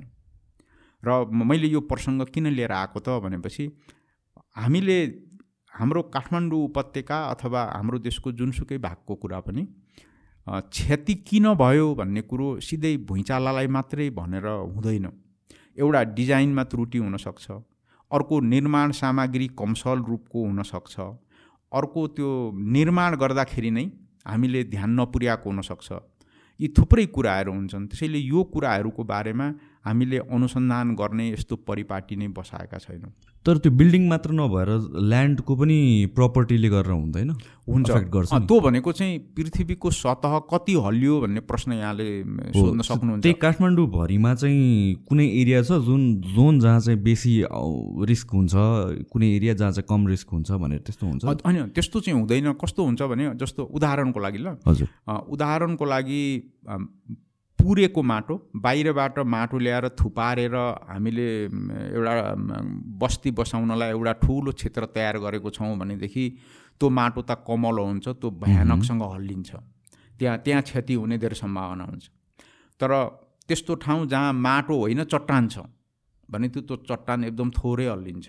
जस्तो किर्तिपुर एरिया रिलेटिभली सेफ छ भनेर भन्छ नि कतिको सच्चाइ त्यो सत्य हो किनभने किर्तिपुरको डाँडामा चट्टान छ। त्यो चट्टान थोरै हल्लिन्छ। चट्टान भएको ठाउँ चाहिँ एकदम नै थोरै हल्लिन्छ चट्टान नभएको ठाउँ माटो हो जो हामी अहिले यो भवनमा जहाँ कुरा गरिराखेका छौँ अथवा काठमाडौँको वरिपरिको मुख्य केन्द्र धरहरा वरिपरिको केन्द्र सम्झिनुहोस् न। अब त्यो त्यो ठाउँमा त माटो झन्नै झन्नै पाँच सय मिटर बाक्लो माटो छ। चट्टान त पाँच सय मिटर तल मात्रै छ। ललितपुर एरिया कस्तो छ? होइन यो लमसम मैले त्यसरी एउटै लगभग किनभने सबै कचौरामा राखेको दही भनिहालेँ मैले यहाँलाई। त्यसैले कुनै एउटा पार्टिकुलर ठाउँको बुझ्नु पऱ्यो भने त प्राविधिकहरूलाई लगाएर चट्टान कति तल छ यहाँको माटोको यो मोटाइ कति छ त्यो माटो भूकम्प आउँदाखेरि माटोको कुन किसिमको प्रकृतिको हो ती सबै कुरो हिसाब किताब गर्न सकिन्छ लगाउन सकिन्छ प्राविधिकहरू हाम्रो देशमा नै हुनुहुन्छ त्यो चिन्ताको कुरो नै भएन। तर सर्वसाधारण तरिकाले बुझ्दा चाहिँ के बुझ्नु पऱ्यो भने काठमाडौँको एउटा भाग अर्को भागभन्दा सुरक्षित भन्ने चाहिँ होइन। ए उस्तै नै किनभने भुइँचालो आउँदाखेरि त मैले भने चट्टान छ भने थोरै हल्लिन्छ त्यसैले त्यहाँ क्षति कम हुनसक्छ। माटो छ भने धेरै हल्लिन्छ त्यहाँ धेरै क्षति हुनसक्छ तर माटो भए तापनि अघि मैले भने चाहिँ प्राविधिकको सल्लाह र सुपरभिजनमा रेखदेखमा हामीले भवन बनाएका छौँ भने त्यस्तो चिन्ता लिनु चाहिँ पर्दैन। सो कृतिपुर मात्र एउटा एरिया हो जहाँ चाहिँ चट्टान छ? कहीँ कहाँ अन्त पनि छ नि उदाहरणको लागि पशुपतिनाथ हेर्नुहोस् न पशुपतिनाथको जो मन्दिर छ ठ्याक्कै त्यहाँ चट्टान छ। ए। त्यो पशुपतिनाथको के त्यो आर्यघाट आर्यघाटबाट अप स्ट्रिमपट्टि त गर्ज नै छैन त त्यहाँ चट्टानै छैन त तपाईँले गएर हेर्नु भने त्यहाँ चट्टानै देख्नुहुन्छ नि। त्यसैले उहिलेका मान्छेहरूलाई त्यो कुरो अगाडि नै थाहा छ। भुइँचालो आउँदाखेरि एकदम नै न्यून क्षति हुने ठाउँ भनेको चट्टान हो भन्ने कुरो बुझेर नै पशुपतिनाथको मन्दिर बनाइएको छ जो मन्दिर जो आफै छ नि पशुपतिनाथको मन्दिर नै भनेको मैले। त्यो चाहिँ ठ्याक्कै त्यसको त्यसको फाउन्डेसन चट्टानमा छ। त्यसैले त्यहाँनिर क्षति नै हुनुहुन्छ सो जुन एउटा भनाइ छ नि त किन जु जुन बहत्तर सालको भूकम्प आयो त्यसले सबै प्रेसर रिलिज भएको छैन र जुन यो एभ्री हन्ड्रेड हन्ड्रेड इयर्सको लगभग एउटा पिरियडमा आउँछ अर्थको नेपालमा त्यो चाहिँ बहत्तर सालको भूकम्पमा चाहिँ रिलिज भएको छैन र सय वर्ष होइन कि most likely next five ten years fifteen twenty इयर्समा अर्को अर्को फेरि आउनु सक्छ भन्ने पोसिबिलिटी छ भनेर भनिन्छ जुन। कतिको ट्रुथ हो त्यसमा चाहिँ? अहिले चाहिँ यस्तो बहत्तर सालको भूकम्पपछि भूकम्पमा काम गर्ने वैज्ञानिकहरूले एकचोटि फेरि आफ्ना अनुसन्धानहरूलाई अलिकति फराकिलो पारेर एक किसिमको राम्रो मूल्याङ्कन गर्नुभएको छ। र अहिले अहिले के तर बुझ्दा चाहिँ के बुझ्नु पऱ्यो भने भूकम्प जुनसुकै बेला आउन सक्छ त्यसमा त क्वेसन भएन। त्यो त्यो त्यो स्वीकार्नु पऱ्यो सानातिना भुइँचालो त अहिले पनि आइराखेकै छन्।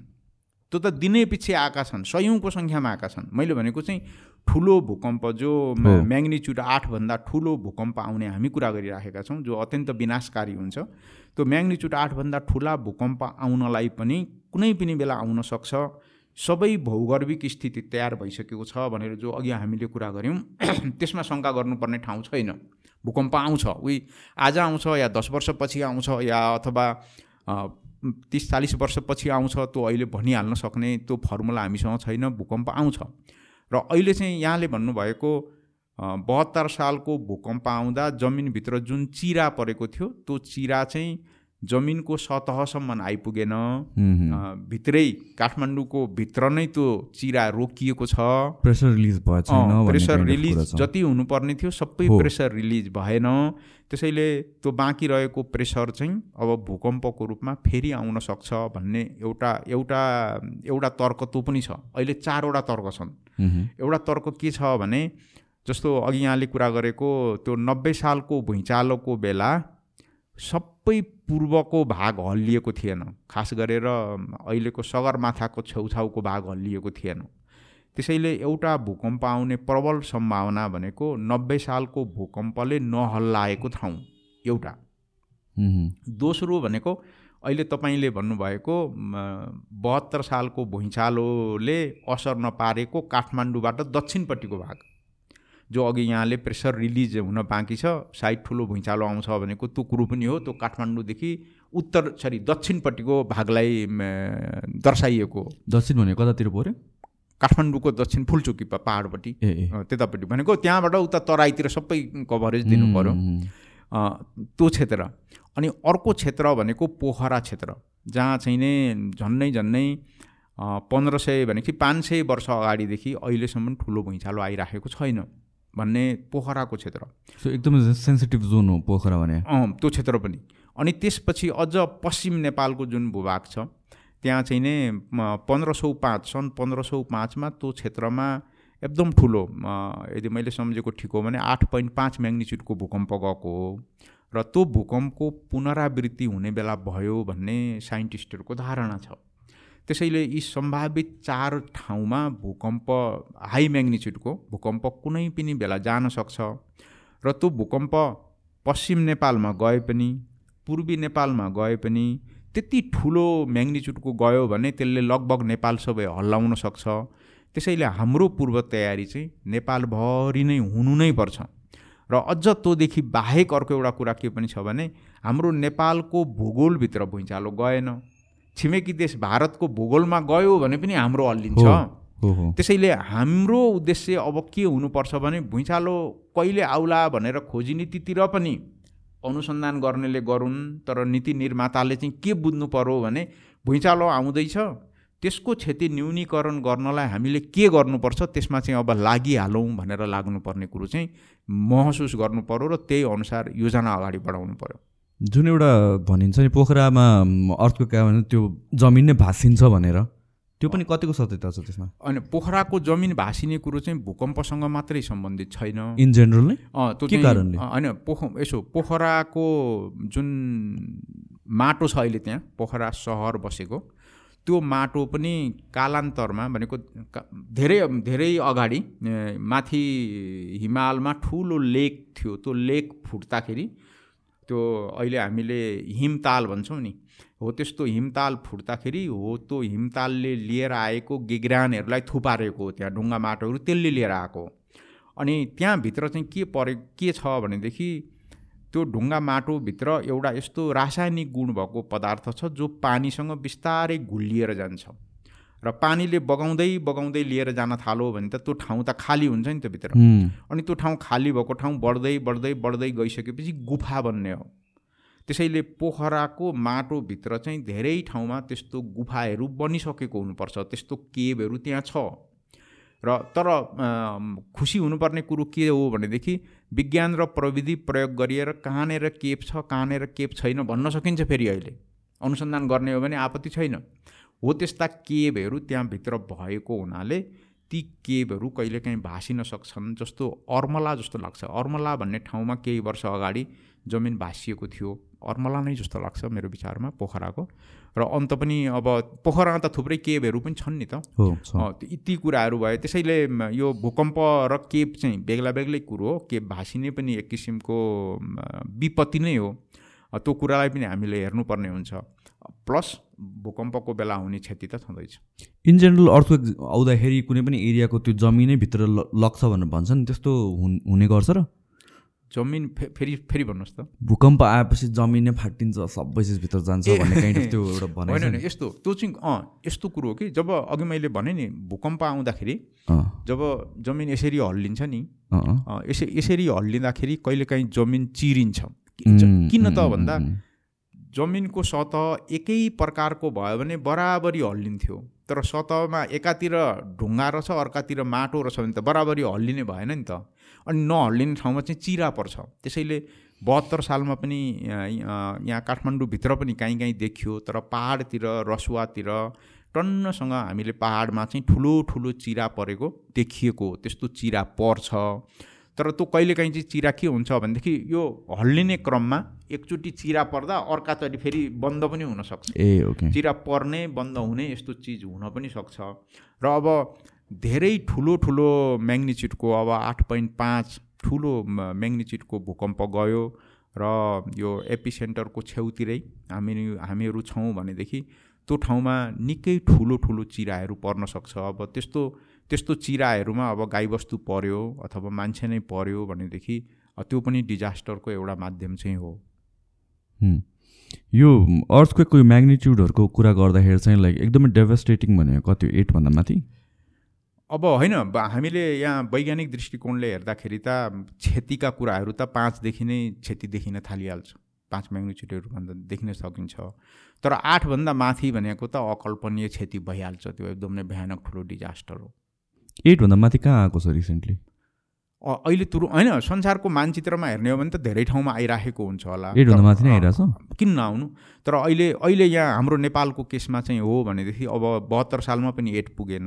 सात पोइन्ट. आठसम्म मात्रै भयो होइन। नब्बे सालको चाहिँ आठ पोइन्ट फोर हो।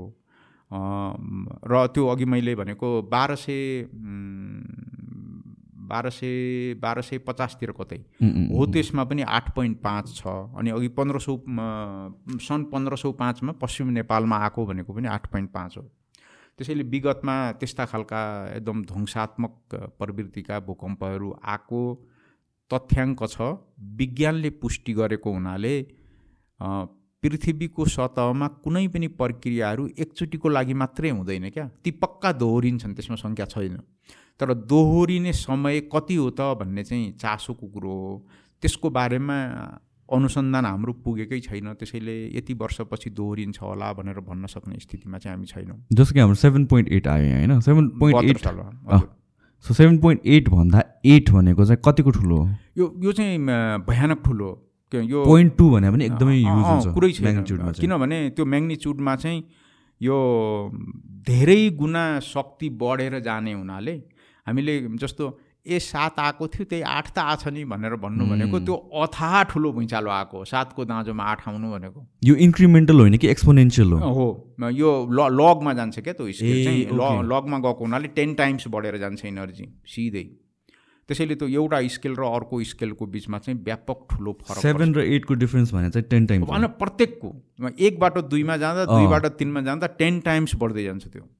लगमा प्लट गरेको छ त्यो ग्राफ। किनभने यसरी मान्छेले सोच्दाखेरि त वान लेभल त बढ्यो जस्तो लाग्छ। हो त्यो हाम्रो जस्तो हामीले बिरामी भएको बेला ज्वरो नाप्छौँ नि। यो अन्ठानब्बेबाट उनान्सय अँ, भने जस्तो होइन। होइन। टेन टाइम्स बढ्छ। अकल्पनीय बढी क्षति हुन्छ। त्यो त्यो त्यो त्यो केसहरूको लागि चाहिँ। संसारमा वान अफ द फ्रिक्वेन्टली आइराख्ने भनेको त जापान नै हो।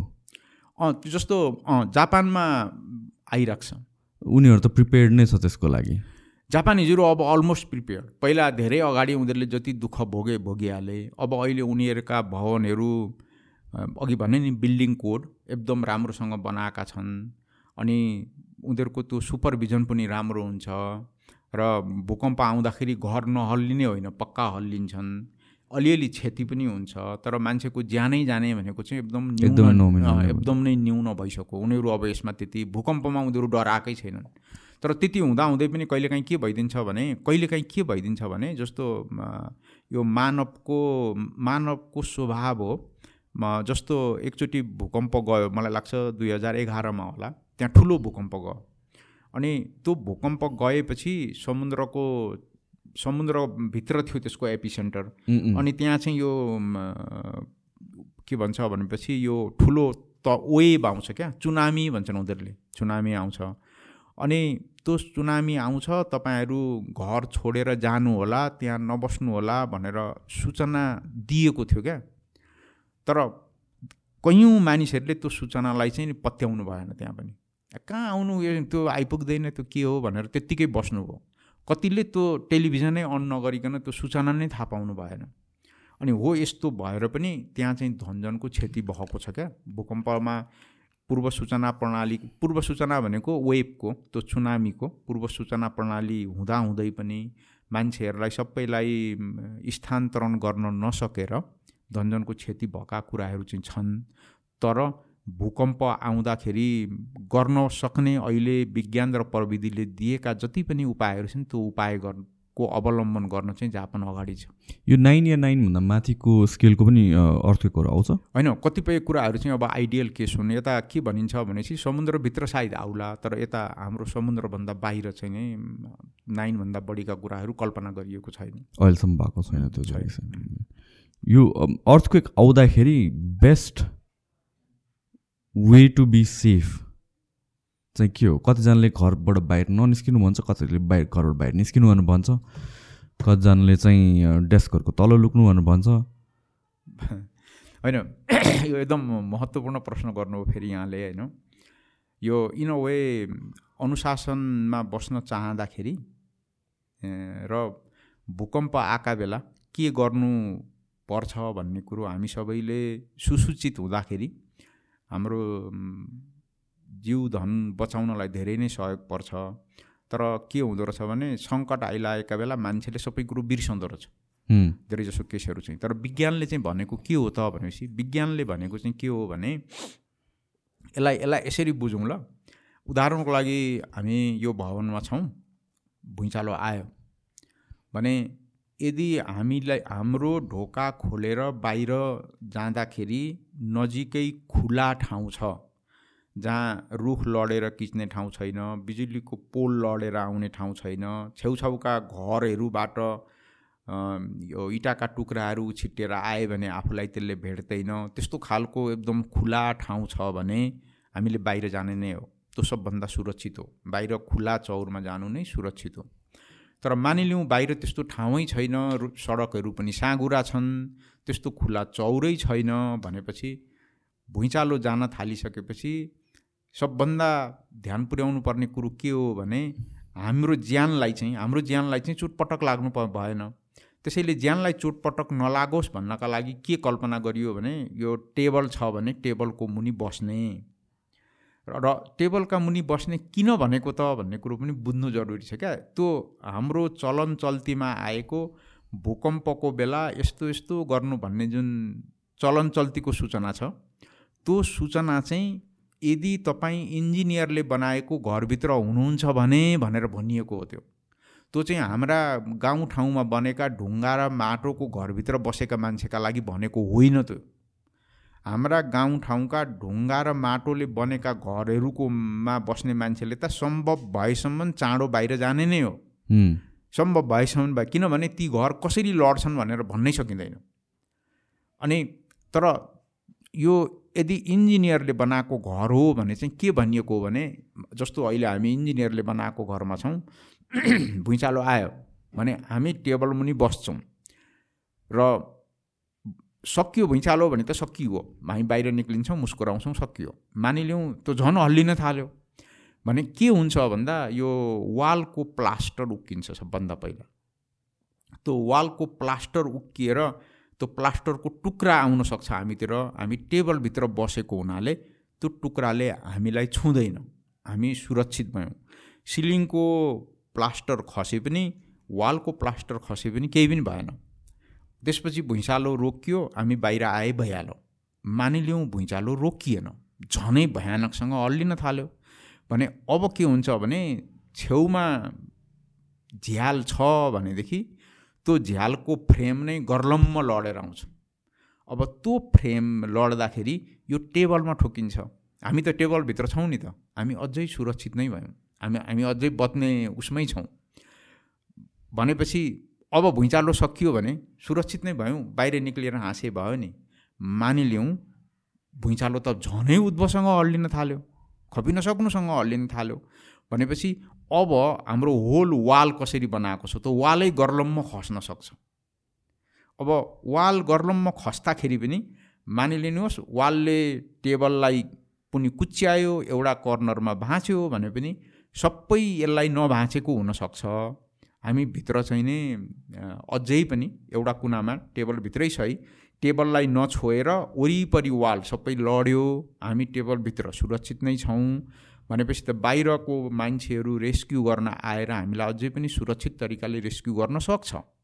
भनेर यो कल्पना गरिएको हो क्या यो। यो चाहिँ किनभने इन्जिनियरले बनाएको घर चाहिँ कसरी लड्छ भन्ने कुरो थाहा छ। अघि मैले भने नि भूकम्प प्रतिरोधक घरहरू त्यसरी कच्याकुचुक्क कोल्याप्स हुँदैनन्। त्यही प्लास्टरहरू आउने हो वालमा चिरा पर्ने हो यस्तै खालका कुराहरू मात्रै हुने हुनाले यसरी टेबल मुनि बस्नु टेबल रहन्छ भने ढोकाको चौकस मुनि उभिनु भनेर भनेको चाहिँ त्यो इन्जिनियरले बनाएको घरको लागि हो। अरू घर जो इन्जिनियरले बनाएको होइन हामीले ढुङ्गा माटाले जोडेका छौँ भने यथासम्भव चाँडो खुला ठाउँमा जाने हो। तर त्यो खुला ठाउँ रहेनछ भने पनि त्यहाँ पनि टेबल मुनि बस्यौँ भने त्यो ढुङ्गा माटोको घर कोल्याप्स नै भएछ भने पनि टेबलभित्र सम्भव भएसम्म बचाउन खोजिएको हो क्या त्यो। टेबलभित्र हामी केही न केही सुरक्षित हुने सम्भावना पनि हुन्छ। त्यो खसेछ नै भने पनि। त्यो दृष्टिकोणले बनाइएका यी कुराहरू हुन्। त्यसैले हामीले अबका दिनहरूमा चाहिँ यो कुरो सर्वसाधारणलाई बुझ्ने गरी यदि इन्जिनियरले बनाएको घर हो तपाईँको भने तपाईँ यसो गर्नुहोस्। होइन भने तपाईँ यसो गर्नुहोस् भनेर बताउनु पर्ने हुन्छ। र घरमै पनि इन्जिनियरले बनाएकै घरमा पनि यहाँले एकदम राम्रो प्रश्न सोध्नुभयो। जब घर हामीले बनाइसक्छौँ निर्माण सम्पन्न हुन्छ र त्यो नगरपालिकाले निर्माण सम्पन्न गरेको प्रमाणपत्र दिन्छ नि हो त्यो बेला मेरो प्रस्ताव के छ भने नगरपालिकाको प्राविधिक मान्छे हाम्रो घरमा आएर मलाई मात्रै होइन। तपाईँलाई मात्रै होइन हाम्रा सबै परिवारलाई सँगै राखेर भुइँचालो आयो भने तपाईँले यसो गर्नुपर्छ। तपाईँहरूको सबभन्दा सुरक्षित ठाउँ भनेको यो ठाउँमा हो। तपाईँहरू घरको जुनसुकै कोठामा बसे पनि सबै परिवारको मान्छे यहाँनिर आएर भेला हुनुहोला। र भेला भइसकेपछि यस्तो यस्तो विपद आउन सक्छ तर डराउनु पर्दैन। भुइँचालो सकिसकेपछि पछि त्यो त्यो त प्रिसक पनि हुनसक्छ। त्यसपछि झन् ठुलो भुइँचालो आउन सक्छ।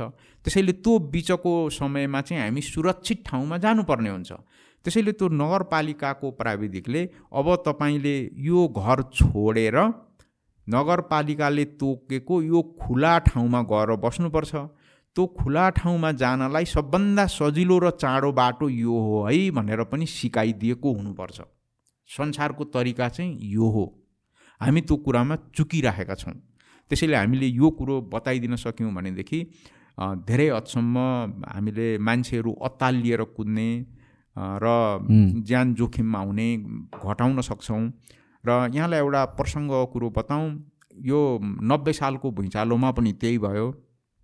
बहत्तर सालको भुइँचालोमा पनि त्यही भयो। यो मृतकको सङ्ख्या र घाइतेको सङ्ख्यामा प्रतिशतले हेर्ने हो भने महिलाको सङ्ख्या बढी छ। प्रतिशतमा हेर्ने हो भने नब्बे सालमा पनि त्यही भएको थियो। बहत्तर सालमा पनि त्यही देखियो। के कारणले होला त्यो? अनि यो यो यो का यसको कारण चाहिँ एकदम महत्त्वपूर्ण कारण रहेछ त्यो कारण के हुँदो रहेछ भने भुइँचालो आयो। कल्पना गर्नुहोस् घरमा बुवा आमा र एउटा सानो नानी छ। अनि भुइँचालो आएर घर हल्लाएपछि जो पनि सुरक्षित ठाउँमा जान चाहन्छ अनि घर हल्लिन थालेपछि सुरुमा चाहिँ मान्छे घरबाट बाहिर निक्लिन्छ। घरको मूल गेटबाट बाहिर निक्लिएर अलिकति अलिकति परतिर जाने बित्तिकै आमालाई चाहिँ मेरो नानी छ भित्र भन्ने थाहा हुन्छ। र आमा चाहिँ के गर्नुहुन्छ भनेपछि म नानी लिएर आउँछु भनेर आमा चाहिँ भित्र जानुहुन्छ। बाउ चाहिँ नानी अथवा श्रीमती केही मतलब नगरेर तुफान तोडेर भागेर गइहाल्छ। अनि आमा घरभित्र पसेर नानी लिएर फर्कँदा ढिलो भइसक्ने हुनाले घरहरू लडिसक्छन्। त्यसैले आमाहरू नै बढी घाइते हुनुहुँदो रहेछ र आमाहरूको नै ज्यान बढी जाने कारण चाहिँ मातृत्वको कारणले हो। यो मातृत्व भन्ने कुरो अकाट्य हुँदो रहेछ। त्यो मातृत्व नभएको भएदेखि त सायद यो मानव सभ्यता नै अगाडि धानिँदैन यदि आमाहरूले पनि बाउले जस्तै आमाले पनि जेसीको यस भनेर कुद्ने हो भनेदेखि बालबच्चाहरूको झनै धेरै क्षति हुन्थ्यो। कतिपय ठाउँमा के देखिएको छ भने आमाले भित्र नानीलाई चाहिँ सुरक्षित तरिकाले छोपेर राखेर नानी चाहिँ बचेको छ आमाको ज्यान गएको छ। त्यस्ता केसहरू भूकम्पमा नेपालमा मात्रै होइन अरू देशमा पनि भएका छन्। त्यसैले एउटा ठुलो चुनौती भनेको हामीले आमा कसरी बचाउने त भन्ने चुनौती रहेछ हामीलाई भूकम्पको बेला। त्यसैले आमा आमाले कुनै हालतमा पनि छोराछोरी छोड्नुहुन्न त्यो उहाँलाई कुनै तरिकाले सम्झाउन पनि सकिँदैन त्यो त्यो पुण्य हुने कुरो पनि होइन। हामीले बालबच्चालाई बचाउनै पर्छ। त्यसैले हाम्रा अगाडि सबभन्दा सुरक्षित भनेको के हो त भन्दा घर भूकम्प प्रतिरोधक छ भनेदेखि आमाले अतालिनु पर्दैन। किनभने भूकम्प प्रतिरोधक घरमा चाहिँ केही चिरा पर्ने हो केही अलिअलि प्लास्टर उक्किने हो त्यति मात्रै हो। त्यो गर्ल्याम गुर्लुम खसेर ज्यानै जाने होइन। जहाँ नानी छ यदि खाट छ भने अथवा टेबल छ भने केही नभए ढोकाको चौकसमै उभिँदाखेरि पनि पुग्ने कुरो हो। यदि त्यो नभएको हुनाले हामीले यो यो क्षति बिहोर्नु पर्यो र बहत्तर सालको भूकम्पको अर्को एउटा चाखलाग्दो कुरो पनि म यहाँलाई सुनाउँछु। म म त विश्वविद्यालयमा पढाउँछु मेरा विद्यार्थीहरूसँग म बारम्बार यो कुराहरूमा सवाल जवाफ गर्छु। अनि उनीहरूलाई चाहिँ नि तिमीहरू बहत्तर सालको भुइँचालोमा के गर्दै थियौ भनेर सोद्धा मेरा केही विद्यार्थीहरूले एकदम आई ओपनिङ भन्छौँ नि हाम्रो आँखा खोल्ने केही जवाफ दिएका छन् मलाई उनीहरूले। यो बहत्तर साल वैशाख बाह्र गते त शनिबार पर्यो स्कुलहरू बिदा थिए त्यसैले धेरै ठुलो क्षतिबाट ज्यानको क्षतिबाट बचेको हामीहरू तर उन्तिस गते त स्कुल खुलेका थिए वैशाख उन्तिस गते। हो त उन्तिस गते ती मेरा भाइ विद्यार्थी भाइ बहिनीहरूले भनेअनुसार चाहिँ उहाँहरूले के भने भने हामी हाम्रो पढाइ भइराखेको थियो भुइँचालो गयो। र भुइँचालो गएपछि हामी विद्यार्थीहरूको वास्ता गर्दै नगरिकन पढाइराखेको मिस र सर चाहिँ दौडेर गइहाल्नुभयो कतातिर जानुभयो कतातिर जानुभयो। हामी विद्यार्थीहरू त्यो ढोकामै अड्क्यौँ। सबैजना एकैचोटि ढोकाबाट बाहिर निक्लिने हुँदाखेरि त्यहीँ उकुस मुकुस भएर हाम्रा साथीहरू घाइते भएका छन्। सम्म उहाँहरूले भन्नुभयो भनेपछि यसले यसले के देखायो भनेदेखि अन्त पनि चलन छ विदेशमा पनि चलन छ। हामीले हाम्रो विद्यार्थी र शिक्षकलाई एउटा प्रोटोकल सिकाउनु पऱ्यो भूकम्प किनभने त्यो स्कुल भयो भने त भूकम्प प्रतिरोधक बनाउनु पऱ्यो भनेर मैले अघि नै भनिहालेँ। अब चुनाव आउँदैछ मेयरहरूसँग यो कुरा गर्दा पनि भयो। एउटा कुन स्कुल त भत्केकै थियो नि? दरबार हाई स्कुल नै भत्क्यो नि काठमाडौँमा त। किन नभत्किनु प्राइभेट स्कुल नै एउटा भत्केको थियो धेरै स्कुल भत्केका छन् तर विद्यार्थी नभएको हुनाले पो झुरमै गएको थियो। ग्रान्डी हस्पिटलतिर कहाँतिर एउटा स्कुल छ त्यस्तो हुनसक्छ। उता पहाडतिरका स्कुलहरू धेरै भत्केका छन्। पचास हजार कति कोठा बनाउनु परेको छ। धेरै धेरै क्षति भएको छ स्कुलको। स्कुलमा क्षति भयो तर विद्यार्थी नभएको हुनाले ज्यान बचो मात्रै भनेको शनिबारको केसमा चाहिँ। हो नि। तर अर्को यो उन्तिस गतेको दिनमा चाहिँ त्यो भएन किन स्कुल चलिराखेको थियो। र चलन के हुन्छ भनेपछि प्रोटोकल के हुन्छ भने स्कुल भवन चाहिँ हामीले जसरी पनि भूकम्प प्रतिरोधक बनाउनै पर्यो स्कुल बनिसकेको छ भने रेट्रोफिटिङ गरेर भए पनि बनाउनु पर्यो तर त्यो भवन प्रतिरोधक हुँदैमा मात्रै पनि ज्यान बचाउन सकिँदो रहन्छ किन मान्छे डराएर कुद्छ नि त। हो त कुद्दाखेरि भिडमा हुलमुलमा मान्छे चाहिँ एक आपसमा ठोकिएर पनि घाइते हुँदो रहेछ। चोटपटक लाग्न सक्दो रहेछ ज्यानै जान सक्दो रहेछ। त्यसैले हामीले सिकाउनुपर्छ क्या भूकम्प आयो भने के गर्ने त? त्यो शिक्षक एकैचोटि दौडेर जाने त होइन शिक्षकले त सबभन्दा अन्तिममा कोठाबाट निक्लिनु पऱ्यो बालबालिकालाई निकालिसकेपछि अनि अनि उसको पालो आउने हो। तर यो त एउटा मोरल डिलेमा नै हुन्छ नि त अर्थको आएपछि त सबैजनालाई त आफूलाई बचाउनु त खोजिहाल्छन्। होइन त्यसैले होइन यस्तो भयो। यो यसो नि सामूहिक प्रयास हो र हामीले शिक्षकलाई के भन्दैछौँ त भनेपछि स्कुल भूकम्प प्रतिरोधक हो तिमी डराउनु पर्दैन त्यो कोल्याप्स हुँदैन। त्यहाँ चिरा पर्न सक्छ केही उछिटिएर आएर तपाईँलाई घाउ लाग्न सक्छ। तर यसको अर्थ के होइन भने तपाईँ दौडेर नजाने अथवा चाँडो मान्छेलाई बाहिर ननिकाल्ने भनेको चाहिँ होइन। त्यसैले सुरुमा विद्यार्थीहरूलाई आफ्नो टेबल मुनि कुदेर निक्लिने होइन टेबल मुनि तिमी बस भनेर सिकाउनु पनि पर्यो। अनि भुइँचालोको धक्का कम भएपछि अगाडिको बेन्चको मान्छे सबभन्दा पहिला निक्लिनु पऱ्यो फलोड बाई अर्को बेन्च एक एक गरेर उनीहरूले सिकाउनु पऱ्यो क्या कक्षा कोठामा कसरी विद्यार्थी बसेका छन्। त्यही अनुसार बाहिर कसरी निक्लिने भन्ने कुरो चाहिँ सिकाउनु पऱ्यो र मेरो प्रस्ताव के छ भने स्कुलमा यो ड्रिल गर्ने भनिन्छ नि त। स्कुलमा वर्षमा तिनचोटि ड्रिल गर्नु चाहिँ ठिक हो भन्ने मलाई लाग्छ। एउटा चाहिँ त्यो नब्बे सालभन्दा पनि अगाडि सय वर्ष अगाडि भूकम्प आएको थियो नि अठार सय नब्बे साल। त्यो त्यो भदौ बाह्र गते आएको थियो। एउटा चाहिँ त्यसैले भदौ बाह्र गते चाहिँ त्यो अठार सय नब्बे सालको भूकम्पको स्मृतिमा माघ दुई गते नब्बे सालको भूकम्पको स्मृतिमा वैशाख बाह्र गते बहत्तर सालको भूकम्पको स्मृतिमा। वर्षमा तिन दिन हामीले विद्यार्थीहरूलाई चाहिँ अब पूर्व तयारी ल आज चाहिँ भूकम्प आयो भने हामी कसरी कोठाबाट बाहिर निक्लिने? कोठाबाट बाहिर निक्लिएपछि कहाँ गएर जम्मा हुने? शिक्षकले के गर्ने? प्रिन्सिपलले के गर्ने? अरू सहयोगीहरूले के गर्ने? त्यो त काम बाँडफाँड गर्नु पऱ्यो नि सबैजनाको। हो यो चिज चाहिँ हामीले स्कुलमा वर्षमा तिनचोटि गर्ने परिपाटी बनायौँ भने एउटा कुरो विद्यार्थीहरूलाई पहिला भुइँचालो गएको थियो भन्ने ज्ञान पनि भइरहेको छ। पहिला भुइँचालो गएको हुनाले आउने दिनमा पनि भुइँचालो आउँछ हामी तयारी हुनुपर्छ र त्यो तयारी चाहिँ यही ड्रिल मार्फत गरेको हो भन्ने पनि थाहा हुन्छ। र उनीहरूले घरमा गएर पनि आफ्नो अभिभावकलाई अथवा आफ्नो अरू परिवारलाई यस्तो कुरो रहेछ है भनेर उहाँहरूले सिकाउन पनि सक्छन्। हो यो चिजमा हामी कमजोर भएका छौँ। यो कुरालाई हामीले हाम्रो देशभरि नै यो चिज अगाडि बढाउनु पर्छ। त्यसो गऱ्यौँ भने चाहिँ भूकम्पबाट बालबालिकाको ज्यान बचाउनलाई निकै ठुलो सहयोग पुग्छ भन्ने मलाई लागेको यो प्रोटोकलको केसमा चाहिँ आई थिङ्क म जहाँ थिएँ त्यहाँ चाहिँ यो एकदम फलो भएको थियो। म चाहिँ क्युएफएक्समा थिएँ कि सिभिल मलको। ओके। होइन मैले फिल्म हेरेर आएको त्यतिखेर मुभी हुँदा हुँदै अर्थक्वेक आएको। अनि त्यतिखेर चाहिँ गार्डहरू कोही पनि भागेर गएन क्या सबैजनाले ढोकाबाट लगाइदियो। होइन ढोकाहरू लगाइदियो तपाईँहरू बस्नु नि भनेर सबैलाई सिटको तल बसायो सुतायो होइन? अर्सक्वेक झन् झन्डै एक मिनट जस्तोको आएको थियो क्यारे होइन? अनि त्यसपछि रोक्यो। अनि त्यसपछि बल्ल सबैलाई जानिदियो तर गार्डहरू त्यहीँ थियो।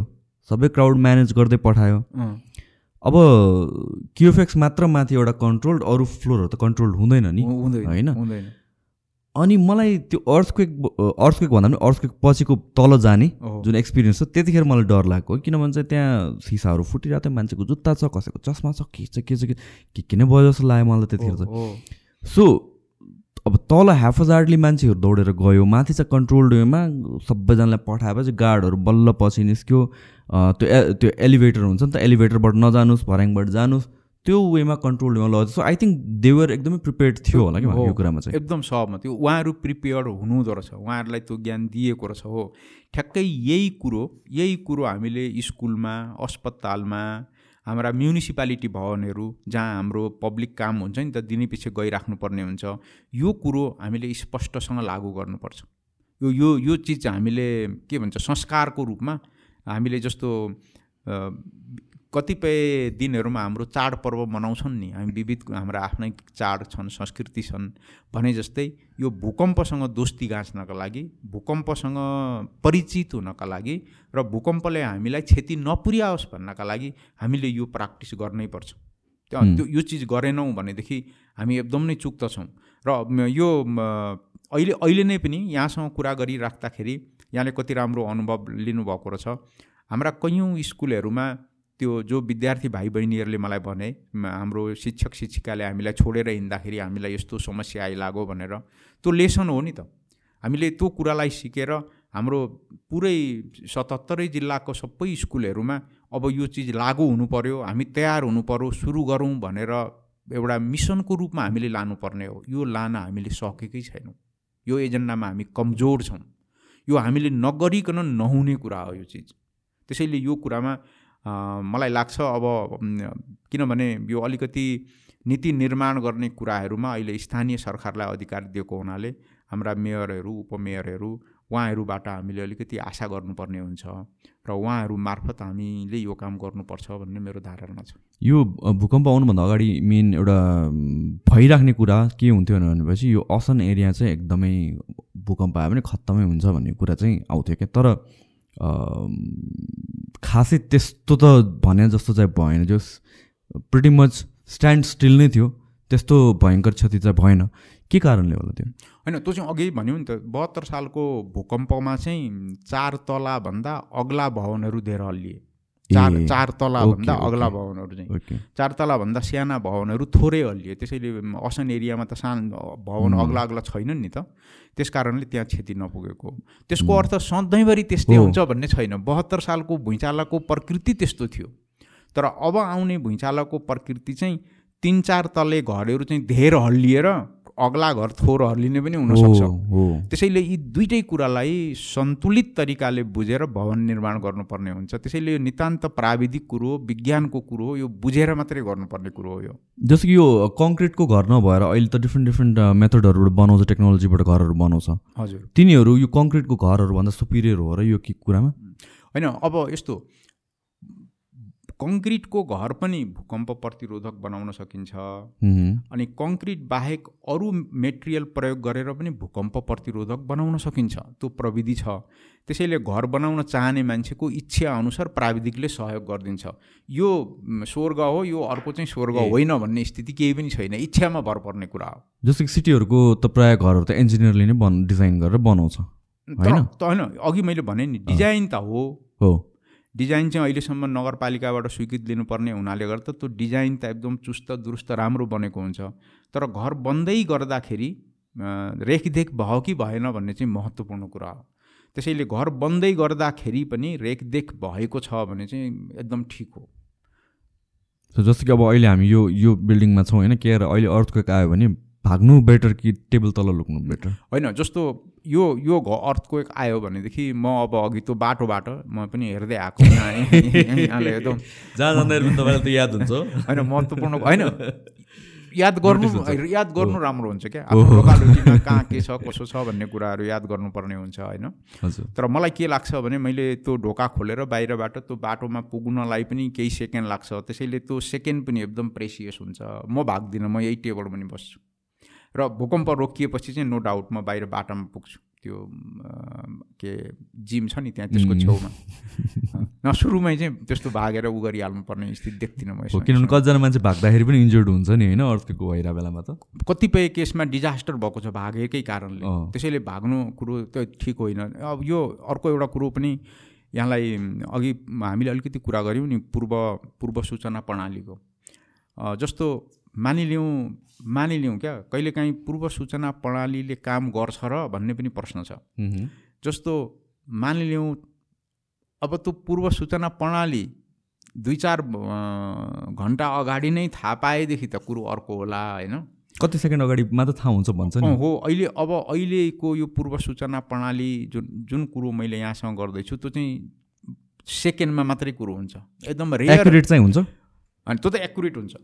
त्यो एकुरेट किन हुन्छ भने लेट मी टेल यु त्यो त्यसको कुरो चाहिँ कस्तो हुन्छ भने जस्तो उद्गम स्थलबाट फोकसबाट अब अर्थक्वेक सुरु भएपछि ती दुईवटा तरङ्गहरू आउँछन्। सुरुमा आउने तरङ्ग प्राइमरी वेभ त्यसपछि आउने सेकेन्डरी वेभ त्यो प्राइमरी वेभ चाँडो कुद्छ।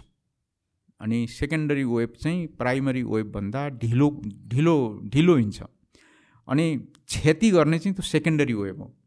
भनेको त्यो प्राइमरी वेभ तपाईँ बाटोमा आइपुग्यो भनेपछि तपाईँले त डिटेक्ट गर्नुभयो नि त अब यो भुइँचालो आयो भन्ने कुरो थाहा भयो तपाईँलाई? लगभग कति टाइमको डिफ्रेन्स हुन्छ र होइन होइन यस्तो त्यो त टाइम भनेको कति टाढा भन्ने कुरो। हो। अब मानिलिउँ त्यो फोकस यही बिल्डिङको भित्र छ।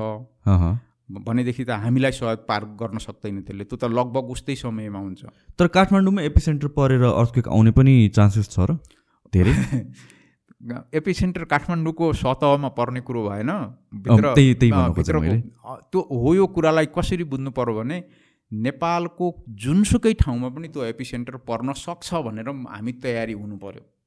किनभने हामी त्यो लेभलको अनुसन्धान गरेर यहाँ एपिसेन्टर पर्दैन यहाँ मात्रै पर्छ भन्ने लेभलमा हामीले सुरुवातै गरेका छैनौँ। त्यसैले त्यो अहिले टु अर्ली हुन्छ त्यस्तो खालको। कुरा गर्नका लागि चाहिँ। त्यसैले मैले बरु के चाहिँ भन्न भन्न खोज्दै थिएँ यहाँलाई भनेदेखि जस्तो उदाहरणको लागि उदाहरणको लागि महाकालीको आसपास भूकम्प सुरुवात भयो।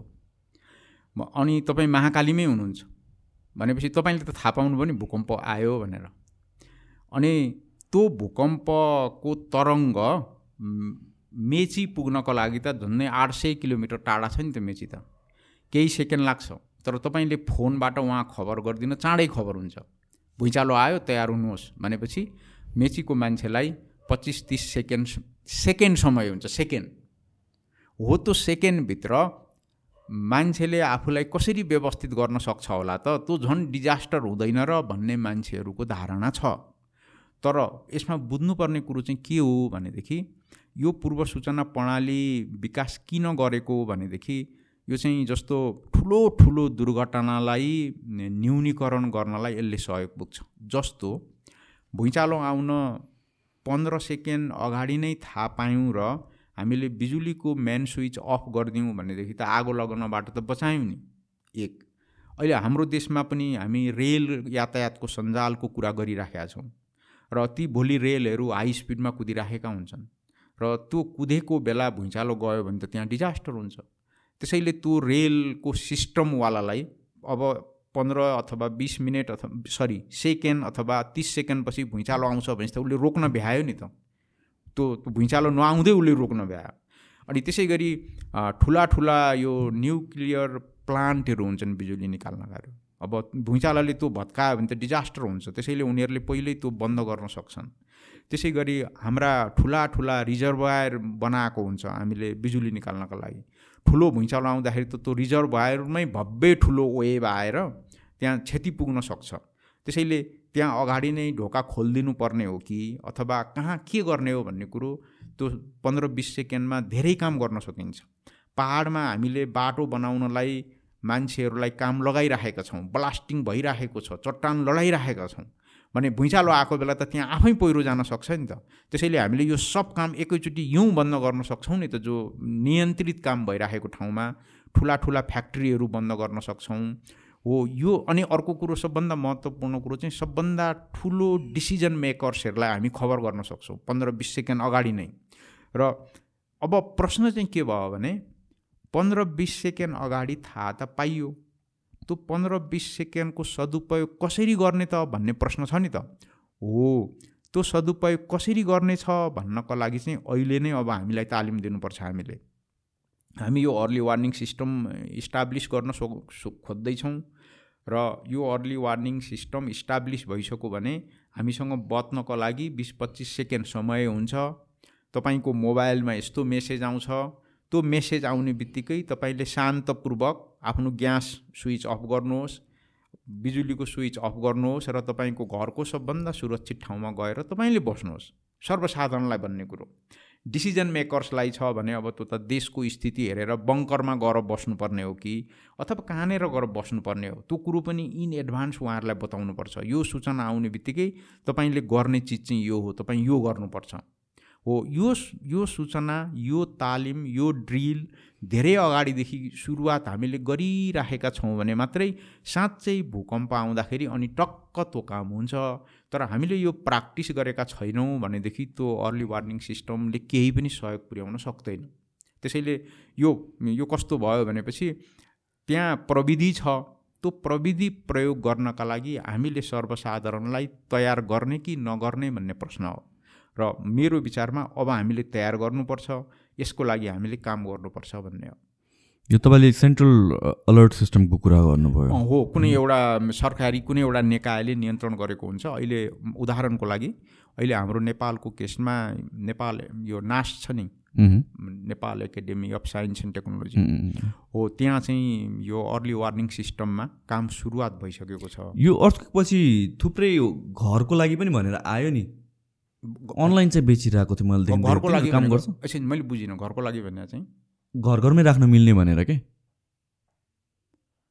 घ भनेको घरमा के सानो कुनै some device some kind device अँ त्यस्तै। डिभाइस राख्ने त्यसले चाहिँ भुइँचालो आउँदैछ भनेर खबर गरिदिन्छ भन्ने कुरो? सर्टन सेकेन्ड्स अगाडि। कतिको रिलायबल हुन्छ अहिले मलाई नेपाल सरकारले त्यो त्यो सिस्टम अप्रुभ गरेर कार्यान्वयनमा लगेको कुरो मलाई थाहा छैन। यदि नेपाल सरकारले अप्रुभ नगरेको कुनै त्यस्तो सिस्टम हो भने त्यसको बारेमा म भन्न सक्दिनँ। त्यो त्यत्तिकै हावा गफ पनि हुनसक्छ अथवा के हो मलाई थाहा छैन। तर यो कुरो राज्यबाट सञ्चालित हुनुपर्छ। यो व्यक्ति विशेषबाट अथवा कुनै अरू निकायहरूबाट सुरु हुने कुरै होइन। राज्यले नियन्त्रित गर्ने ठाउँमा हुनुपर्छ यो। किनभने यसले अर्को गल्ती सूचना दियो अथवा विविध कुराहरू भयो भने त त्यसको जवाफदेही त कसैले लिनु पर्यो नि त। त्यसैले यो राज्यले गर्ने हो। हाम्रो राज्यको लेभलबाट अहिले के भन्छ? चिन्तन मनन हुँदैछ। र अहिले चिन्तन मनन भएर यो काम कार्यान्वयन भयो भने सबभन्दा पहिलो कुरो त हामीले अर्ली वार्निङ सिस्टम इस्टाब्लिस गरिसकेपछि पनि यसले काम गर्छ कि गर्दैन भनेर हेर्नलाई एउटा ठुलो भुइँचालो पर्खनै पर्छ। किन त्यो भुइँचालो आएपछि सङ्केत आउनु पऱ्यो नि हाम्रो मोबाइलमा। सबै कुरो अनि ए हो ल काम गर्ने रहेछ भनेर त थाहा पाउनु पऱ्यो तर त्यो आठ म्याग्निच्युडभन्दा ठुलो हुनुपर्छ भन्ने छैन। पाँच अथवा छकै आयो भने पनि हामीले सिग्नल पास भयो सबै मान्छेहरूले चाहिँ अलर्ट भए यो यसले काम गर्ने रहेछ भनेर थाहा पाइयो। त्यसैले तयारी चाहिँ अब थाल्नुपर्छ हामीले र यसलाई टेस्ट गर्नका लागि नै पनि मैले भनिगएँ। पाँच छ म्याग्निच्युडको एउटा भूकम्पबाट टेस्ट गर्नु पऱ्यो अनि त्यसपछि चाहिँ अब ठुलो आठभन्दा ठुलो आयो भने पनि हाम्रो सिस्टमले काम गर्छ भनेर थाहा पाउनु पर्ने कुरा हो। त्यो सिनेरियो आर्टिफिसियली क्रिएट गर्न सकिँदैन ल्याबमा? होइन अब यस्तो त्यो एकदम ग्राउन्ड रियालिटीसँग मिल्छ कि मिल्दैन भनेर हन्ड्रेड पर्सेन्ट भन्न सक्ने कुरो चाहिँ छैन। अर्को इस्यु भनेको अघि हामी कुरा गरेर पहिरोको इस्यु पनि नेपालको कन्टेक्समा। पहिरोलाई रोक्न सकिने भन्ने हुन्छ र? यहाँले भुइँचालोको भुइँचालोले भुइँचालोको कारण गएको पहिरोको कुरा गर्नु हो। इन जेनरल पनि। इन जेनरल यो पानी पर्ने सिजनहरूमा यताउतिमा पहिरो आइरहेको हुन्छ नि जहिले पनि हाइवे बन्द भयो भनेर भन्छ यति घन्टाको लागि। त्यो त्यो केसेसहरू पनि। होइन पहिला एकछिन यो पहिरोमा प्रवेश गर्दाखेरि सबभन्दा पहिला त पहिला भुइँचालोकै पहिरोको कुरा गरौँ। ओके। भुइँचालोको कारणले पनि पहिरो जान्छ र बहत्तर सालको भुइँचालोले पनि ठुला ठुला पहिरा गए र मानिसहरूको गाउँ बस्ती सबै बगायो। धेरै ठुलो क्षति पहिरोले नै गरेको छ। त्यो त्यो पहिरोका कारणले त्यो पहिरोका कारणले झन्नै झन्नै आफ्नो घरबार गुमाएर आफ्नो घर बनाउने ठाउँ नै नभएका परिवार नै झन्नै एक हजारभन्दा बढी परिवारहरू। एक हजार गाउँ त्यस्तो स्थितिमा एक हजार गाउँ? गाउँ। तिनीहरूलाई चाहिँ राष्ट्रिय पुनर्निर्माण प्राधिकरणले स्थानान्तरण गरेको छ। नयाँ ठाउँमा लगेर राखेको छ। त्यसैले एउटा के भन्न खोजेको भने यो एकदम महत्त्वपूर्ण कुरो हो। अहिले बहत्तर सालको भुइँचालो आउँदा जुन जुन ठाउँमा पहिरो आएको थियो त्यो पहिरो केही दिनपछि अब मान्छेले देख्न छोड्छन्। किनभने झार पलाउन थाल्छ रुख पलाउन थाल्छ त्यहाँ पहिरो थियो भन्ने कुरो मान्छेले बिर्सिन्छ। अनि पछि काम फेरि अर्को भुइँचालो आउँदाखेरि पहिरो जाने ठाउँ चाहिँ त्यही हो। ए। त्यसैले एउटा काम हामीले के गर्नु पर्यो भने बहत्तर सालको भुइँचालो आउँदाखेरि कहाँ कहाँ पहिरो गएको थियो भनेर त्यसको नक्सा बनाएर स्थानीय निकायहरूले त्यो मेयरको कार्यकक्षमा भित्तामा झुन्नाएर राख्नु पर्यो। र त्यो किन झुन्नाएर राखेको भनेपछि त्यो पहिरो गएको ठाउँको छेउछाउमा चाहिँ घर बनाउन दिनु भएन अनि त्यसको छेउछाउमा अथवा त्यो पहिरोको फेदतिर स्कुल बनाउन दिनु भएन पहिरोको सिरानतिर पनि मान्छेको घर अथवा स्कुल बनाउनलाई दिनु भएन किनभने आउने भूकम्पले फेरि त्यही पहिरोमा असर पार्ने सम्भावना हुन्छ। अनि बाटो खन्दै लगिएको छ भनेदेखि त्यही पहिरोबाट बाटो जान्छ भनेदेखि त्यहाँ प्राविधिकलाई सोध्नु नै पर्यो त्यो ठाउँबाट पहिरो बा बाटो बाटो कसरी लाने? हामीले बाटो बनाएकै कारणले फेरि पुनः पहिरो जाने त होइन भन्ने गम्भीर समस्या हुने हुनाले त्यो पहिरो गएको ठाउँहरूलाई पहिचान गर्ने र त्यो ठाउँहरूमा निर्माण गर्दाखेरि अनिवार्य रूपमा प्राविधिकको सल्लाह लिएर काम गर्ने भन्ने एउटा परिपाटी मात्रै बसाउन सक्दाखेरि पनि धेरै ठुलो कुरो हुने थियो। तर यो काम पनि गर्न सकिएको छैन। यो ठुलो कुरो छैन तर गर्न सकिएको छैन। अनि भूकम्प के हुँदो रहेछ भने बहत्तर सालभन्दा पछि जन्मिएको मान्छे जो अहिले पाँच छ वर्षको भइसक्यो अब दस वर्षपछि दस बाह्र वर्षपछि उसँग भोटिङ राइट भएको ठुलो मान्छे हुन्छ ऊ। तर उसले पहिराले कहाँ कहाँ पहिरो भूकम्पको कारण गएको पहिरो कहाँ थियो भन्ने उसलाई त थाहा हुँदैन। उसले पत्याउँदैन पनि अब पहिरो जान्छ भनेर। तर नक्सा बनाएर राखिएको छ। ती ठाउँहरूमा जनचेतना अभिवृद्धि गर्ने गरी विभिन्न समयमा यो ठाउँ चाहिँ यस्तो हो है भनिएको छ। अथवा प्रत्येक निकायले एउटा भूकम्पबाट गएको पहिरोलाई संरक्षण गरेर स्कुलका विद्यार्थीहरूलाई लगेर यो भुइँचालोको कारणले गएको पहिरो हो। भुइँचालो आउँदा यति ठुलो पहिरो जान सक्छ। यस्तो पहिरोको छेउछाउमा हामी बस्नु हुँदैन भनेर सिकाउने हो भने पनि त्यो पुस्तक जस्तो हुन्थ्यो। हो यो कामहरू पनि हामीले गर्न सकिराखेका छैनौँ तर यो गर्नुपर्ने हो। र भुइँचालो आउँदाखेरि कहाँ पहिरो जान्छ कहाँ पहिरो जाँदैन भनेर अनुसन्धान गर्नका लागि पनि यो पहिरो गएको कुराबाट धेरै कुरा सिक्न सकिन्छ। र त्यस्तै ठाउँहरूमा पुनः पहिरो जान्छ भनेर भन्न पनि सकिन्छ। तर एगेन फेरि यो अनुसन्धानको कुरो हो। यसमा राज्यले मलाई अनुसन्धान गरेर यो सबै मेरो क्षेत्रको नक्सा बनाएर आउने दिनहरूलाई सुरक्षित तरिकाले बस्नका लागि सहयोग गर हामी सबै मिलेर गरौँ नभनेसम्म त्यो काम गर्न सकिँदैन। यो भूकम्पसँग सम्बन्धित पहिरोको कुरो नै। अब जहाँसम्म यहाँले बर्खाको मौसममा आउने पहिरोको कुरो छ ती चिजहरू चाहिँ यस्तो भूकम्प जस्तो बिल्कुल पूर्व अनुमान गर्न नसकिने होइन स्थिति होइन पहिरो चाहिँ। त्यो जहिले एउटै ठाउँमा हुन्छ अनि पहिरो आउने ठाउँ चाहिँ ठ्याक्कै पिन पोइन्ट गर्न सकिन्छ। अध्ययन गर्ने हो भने यो ठाउँमा चाहिँ पहिरो जान्छ भनेर भन्न सकिन्छ र पहिरो जाने कारण पनि खुट्याउन सकिन्छ र त्यो पहिरोलाई पहिरो आउन ठिक्क परिसकेको छ भने त्यसलाई रोक्न नियन्त्रण गर्न पनि सकिन्छ। यो प्रविधि पनि छ। विज्ञान पनि छ तर अब हामी त्यतातिर ध्यान नदिएको देशहरूभित्र पर्छौँ। त्यो पहिरोलाई रोक्ने चाहिँ कसरी रोक्न सकिन्छ? प यस्तो पहिरोलाई रोक्ने चाहिँ कस्तो भनेपछि अब उदाहरणको लागि के सम्झ्यौँ भने यो यो टेबलमाथि कापी छ मैले यो टेबल उचाल्ने हो भने कापी त चिप्लिएर झर्छ नि।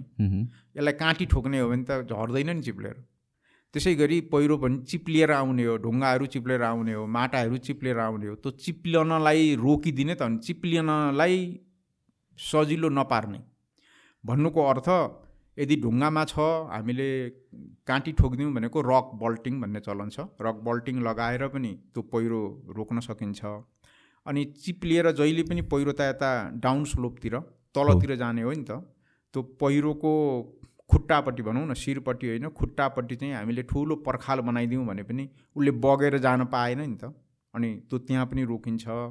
अनि कतिपय केसहरू चाहिँ पहिरो जानलाई पानीको भूमिका हुन्छ। भित्रबाट पानीले ठेलिराखेको हुन्छ। यदि हामीले त्यो पानीलाई बाहिर निकालेर निकास दियौँ भने पनि पहिरो रोकिन्छ।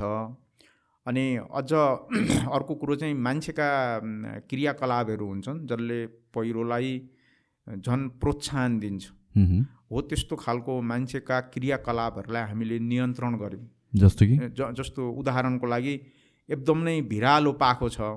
अब भिरालो पाखोमा म खेत बिराएर खेती गर्छु भनेर कसैले धान रोप्ने गरी पानी जमाउँछु भन्ने हो भनेदेखि त्यो भिरा आफै भिरालो छ त्यहाँ पानी पनि जमाइदिने हो भने त्यो पानी जमिनभित्र छिर्छ र जमिनलाई नै ठेल्न थाल्छ अनि पहिरो जान्छ। त्यसैले बाबु त्यहाँ त्यहाँ खेती नगर त्यस्तो भिरालो ठाउँमा खेती गर्नु हुँदैन। भनेर उहाँलाई सम्झाउनु पऱ्यो खेती गर्नै पर्ने भए पनि पानी नजमाउने खालको खेती गरौँ। फलफुलको रुख बिरुवा लगाइदेऊ अथवा कोदो रोप जहाँ पानीको भूमिका चाहिँ न्यून हुन्छ हो यसरी पनि पहिरोलाई नियन्त्रण गर्नका लागि धेरै उपायहरू हुन्छन्। तर पोइन्ट के हो भने अहिले अहिले हाम्रो देशमा भइरहेको पहिरोको कुरा गर्दाखेरि चाहिँ मान्छेहरूले के गरे भने बाटो बनाउने कुरो गरे। प्रत्येक स्थानीय निकायहरूको सबभन्दा धेर पैसा खर्च गर्ने बजेट चाहिँ बाटोमा छ अहिले। र बाटो पनि कसरी बनाउने विचार गर्नुभयो उहाँहरूले भनेपछि कुन ठाउँबाट कुन ठाउँमा बाटो लाने हो भने भोट प्राप्त हुन्छ भन्ने कुरो उहाँहरूलाई थाहा छ। अनि त्यो भोट आउने गरी उहाँहरू बाटो बनाउन थाल्नुभयो। तर बाटो बनाउने भनेको नितान्त इन्जिनियरिङ प्राविधिक कुरो हो।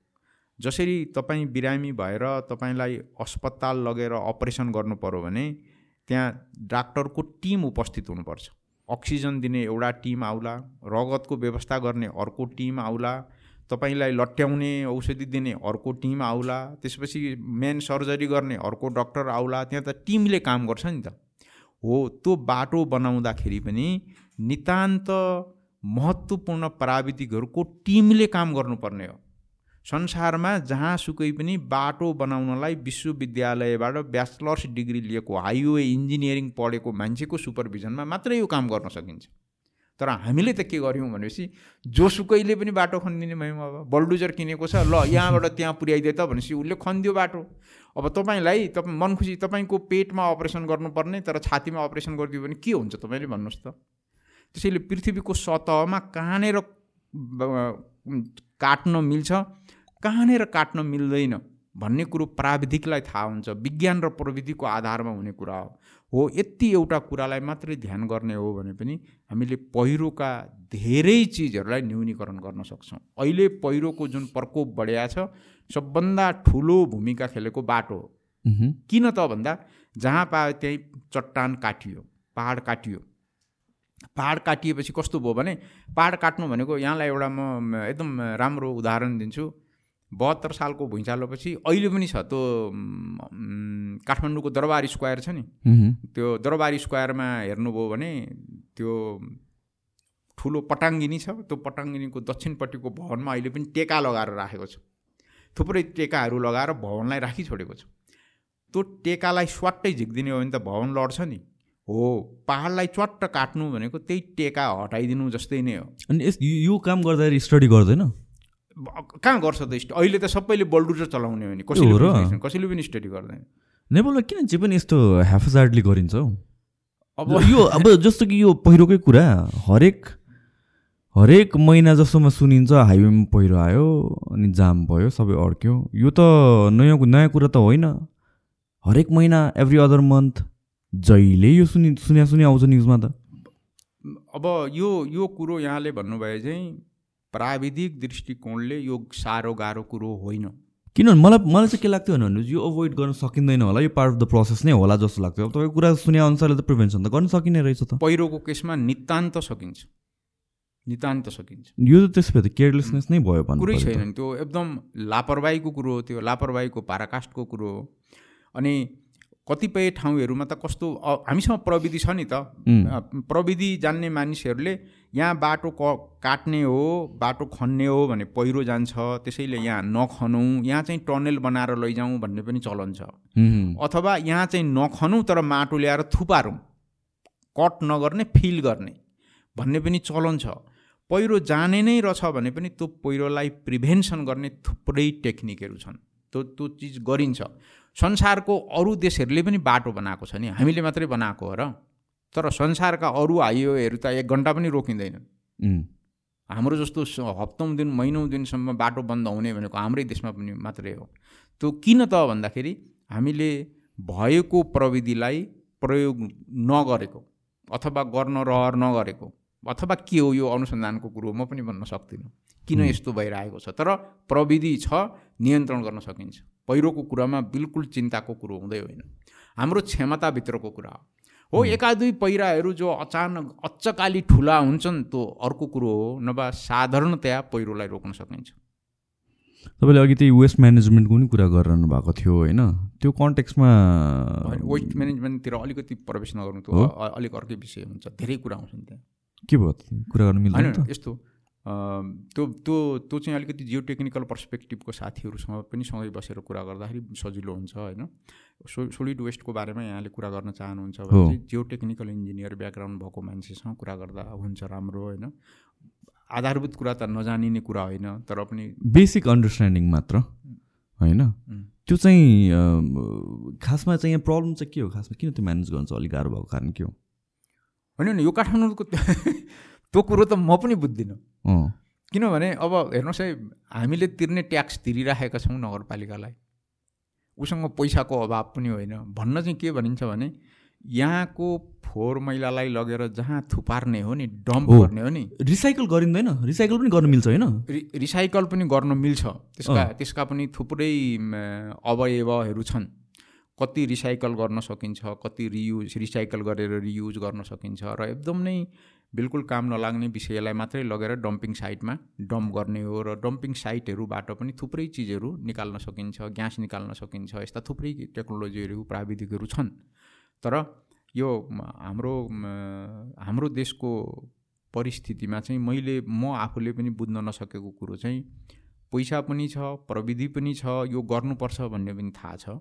तर यो चिज हुँदै हुँदैन र यो चिज अब किन हुँदैन भन्ने मैले देख्छु भने जस्तो काठमाडौँ काठमाडौँ म्युनिसिपालिटीको यो सोलिड वेस्ट फोहोरहरू चाहिँ ठोस फोहोर चाहिँ यता बन्चरे डाँडो भन्ने अर्कै साइड जिल्ला हो। त्यहाँ लगेर थुपार्ने त्यहाँ डम्पिङ साइट त्यहाँ खने खोजेको छ।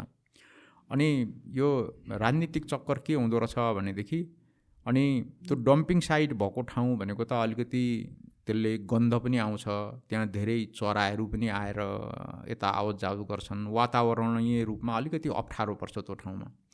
त्यसैले त्यहाँ स्थानीयहरूले चाहिँ हुँदैन। हाम्रो क्षेत्र हाम्रो क्षेत्रमा किन ल्याउँछौ भनेर उनीहरूले प्रतिरोध गर्छन्। यो यो यो सेकेन्डरी साइट हो जस्तो लाग्यो हो। किन मैले अस्ति भर्खर रिसेन्टली न्युजमा सुने जस्तो लाग्यो। खासमा चाहिँ काठमाडौँको ओरिजिनल डम्पिङ साइट खै कता थियो अरे अनि त्यसपछि यो टेम्पोररी कति महिनाको लागि कि कति टाइमको लागि भनेर भनेको थियो तर सात आठ वर्ष कति वर्ष भइसक्यो त्यही डम्प गरेर भनेर अनि अहिले आएर चाहिँ त्यहाँको मान्छेहरूले चाहिँ डम्प गर्न नदिने भनेर चाहिँ त्यो एउटा रोके रोकेको हिसाबले गरेर चाहिँ यहाँ सबै जाम भइरहेछ वेस्टहरूको भनेर सुने अब मैले चाहिँ। होइन अब टेम्पोरेरी भनेर राखेको ठाउँमा वर्षौँ डम्प गरे गरे गऱ्यो भनेर। त्यो त्यस केही चिज छ त्यहाँ तर पोइन्ट अझै पनि के हो भने काठमाडौँबाट दिनै पछि कति फोहोर उत्पादन हुन्छ भन्ने तथ्याङ्क पनि थाहा छ। एक वर्षमा कति आउँछ थाहा छ। यहाँबाट निक्लिने पचास वर्षको फोहोरलाई कहाँ लगेर डम्प गर्ने भनेर योजना बनाउन पनि सकिन्छ। ठिक छ स्थानीयको केही प्रतिरोध हुन्छ भने स्थानीयहरूलाई पनि सँगै राखेर अब यो चाहिँ यति वर्ष लामो प्रोजेक्ट हो यसरी हामीहरू मिल्यौँ भनेर कुरो मिलाउनु पऱ्यो नि त। तर यहाँ चाहिँ के देखिँदो रहेछ भने त्यो कुरो मिलाए पनि त्यहाँ के के के के के कुरा निकालेर उहाँहरूले ल त कसरी लाँदो रहेछस् भनेर उहाँहरू बाटो छेक्नु हुँदो रहेछ। अनि भनाइमा के सुनिन्छ भने हामी प्रजातन्त्र मान्ने मान्छे भएको हुनाले उनीहरूलाई अब जबरजस्ती बाटो छेकेको ठाउँलाई चाहिँ नै हटाएर लगेर डम्प गर्न मिलेन भन्ने खालका कुराहरू गर्नुहुन्छ। तर यो त आधारभूत स्वास्थ्यसँग गाँसिएको हुनाले कतिपय कुराहरूमा त राज्यले गर्नुपर्छ नि त। अब यो कुरालाई यो कुरालाई जस्तो हाम्रो पार्लियामेन्टेरियनहरूले महत्त्व दिएर कुरा गरेको छलफल गरेको मैले सुनेको छैन। यो कुरालाई म्युनिसिपालिटीको सरोकारवाला मान्छेहरूले ल स्टेक होल्डर बोलाउँ कुरोकानी गरौँ यो के भएको यस्तो यो पब्लिकली डिबेटमा जाउँ यो भित्र क्लोज डोर नेगोसिएसनले काम लागेन भनेर छलफल गरेको पनि मैले सुनेको छैन। त्यसैले यो सोलिड वेस्ट म्यानेजमेन्टको कुरो पनि नितान्त प्राविधिकको सहयोगमा गर्न सकिने कुरा हो। प्रविधि पनि छ। अब पैसा छैन कसरी भन्ने हामीले ट्याक्स तिरिराखेको छ। तर यो कार्यान्वयन भएको छैन। अब यो कार्यान्वयन किन हुँदैन भन्ने बारेमा चाहिँ यो मैले भन्दा पनि बढी यहाँले नै सम्बन्धित एक्टर्सहरूलाई बोलाएर सोध्नु पऱ्यो कि यो कार्यान्वयन किन हुँदैन। काठमाडौँवासीहरूले अब अरू ठुलो कुरो किन? मजाले पानी पऱ्यो भने सबै काठमाडौँ फ्लड हुन्छ। त्यो त्यो ढलबाट पानी नै सबै पास भएर जाँदैन। अनि के त काठमाडौँ क्यापिटल सिटी सधैँ त्यस्तै राख्ने हो त? किन पानी अब त्यो ढल बनाउने? त्यो ढल बनाएको पनि इन्जिनियरहरूले नै बनाएको। उहाँहरूलाई के थाहा छ भने पानी कति पर्छ भन्ने पनि उहाँहरूलाई थाहा छ। र त्यो भल पानी पास हुनका लागि त्यो ढलको व्यास डायमिटर कत्रो हुनुपर्छ भन्ने उहाँहरू जान्नुहुन्छ। तर फेरि पनि किन यस्तो समस्या हुन्छ त? भनेपछि त विज्ञान र प्रविधि र हाम्रो सामाजिक व्यवहारको बिचमा काहीँ न काहीँ खाडल छ नि त त्यहाँ। केही न केही केही न केही समस्या त छ। त्यसैले हो त्यो समस्यामा राज्यको ध्यान केन्द्रित भएकै छैन। मलाई लाग्छ काठमाडौँको मान्छेहरू तपाईँ हामीहरू सफा ठाउँमा बस्न रहरै गर्दैनौँ जस्तो भइसक्यो। हामीलाई जस्तो भए पनि चलिराखेको छ जस्तो भइसक्यो। जसरी हाम्रो धारामा पानी छैन नि राज्यले दिएको पानी नआएको पनि हामीले चाहिँ नि अब पृथ्वीभित्रको पानी निकालेर जीवन चलाइराखेको छौँ आफ्नै मस्तीमा छौँ। जब कि राज्यले दिनुपर्ने थियो नि त त्यो चिज त। त्यो चिज उसले नदिए पनि हामी आनन्दसँग बसिरहेका छौँ। भने जस्तो यो मैले हेर्दा के देख्छु भने हामी सचेत नभएर हामीले हाम्रो अब स्थानीय निकायको पदाधिकारीहरूलाई यो काम गर्नका लागि बाध्यात्मक परिस्थिति सिर्जना गरेनौँ भने यो चिज सुध्राउँदैन। यो नेतृत्व उहाँहरूले लिनुपर्ने हो राजनीतिक नेतृत्व तर उहाँहरूले नै नलिएसकेपछि त केही पनि हुने रहन्छ नि त त्यसैले यो चिजमा चाहिँ मलाई लाग्छ राजनीतिक नेतृत्वको नै भूमिका बढी छ अरू अरूको भन्दाखेरि पनि मैले बुझेको त्यति चाहिँ हो र अर्को कुरा चाहिँ कुनै पनि फिल्डमा चाहिँ एक्सपर्ट्सहरू छैन जस्तो लाग्छ कि मलाई कहाँ कहाँ यो एडभाइजरी टिममा भन्ने कि केमा भन्ने होइन right people right person at the right place भनेर भन्छौँ नि हामीहरू कतिचोटि कुरा निस्किन्छ त्यो चाहिँ हाम्रो कन्टेक्समा धेरै कुराहरू ल्याकिङ छ जस्तो लाग्छ कि। जो एक्सपर्टहरू छ उहाँहरूसँग एडभाइस नलिने पोलिसी मेकिङहरूमा कुनै डिसिजन मेकिङहरूमा त्यो पनि एकदम इम्पोर्टेन्ट फ्याक्टर हो जस्तो लाग्छ। त्यो भेरी इन्ट्रेस्टिङ म यो साधारण सल्लाहकारको त कुरा नगरौँ होइन। जस्तो मलाई के लाग्छ भने राष्ट्रपतिको सल्लाहकार प्रधानमन्त्रीको सल्लाहकार भनेको कुनै पार्टीतिर अलाइन भएको सल्लाहकार हुनु हुँदैन हो। त्यो त्यो त राज्यको राज्य सञ्चालनमा सहयोग पुर्याउने मान्छेहरू। प्योर टेक्निकल मान्छे हुनु त्यसैले त्यहाँ सल्लाहकार नियुक्ति हुनलाई यदि यहाँले मलाई सोध्नुहुन्छ भने प्रतिस्पर्धा गराएर द बेस्ट मान्छे लिनुपर्छ। त्यो त देशभन्दा विदेशमा छ भने उसलाई पनि मौका दिनुपर्छ। र किनभने त्यो त बेस्ट ब्रेन नभइकन राज्य कसरी सञ्चालन गर्ने? अब त्यहाँ मेरो पार्टीको मान्छे मेरो नाताको मान्छे त्यो त जागिर खुवाएको कुरो भयो त्यो। त्यसले त्यसले त सहयोग पुर्याउँदै पुर्याउँदैन। कुनै हालतमा पनि सहयोग पुर्याउँदैन।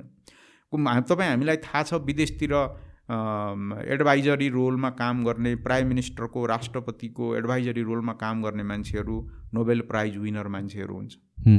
त्यो लेभलका मान्छेहरू एडभाइजरी रोल गरिरहेका हुन्छन्। साइन्समा इन्जिनियरिङमा एकदम नै ठुलो उपलब्धि गरेका मान्छेहरू हुन्छन्। र पो उनीहरूको आइडियाले एकदम गजबसँग प्रभाव पार्छ समाजलाई राष्ट्रलाई।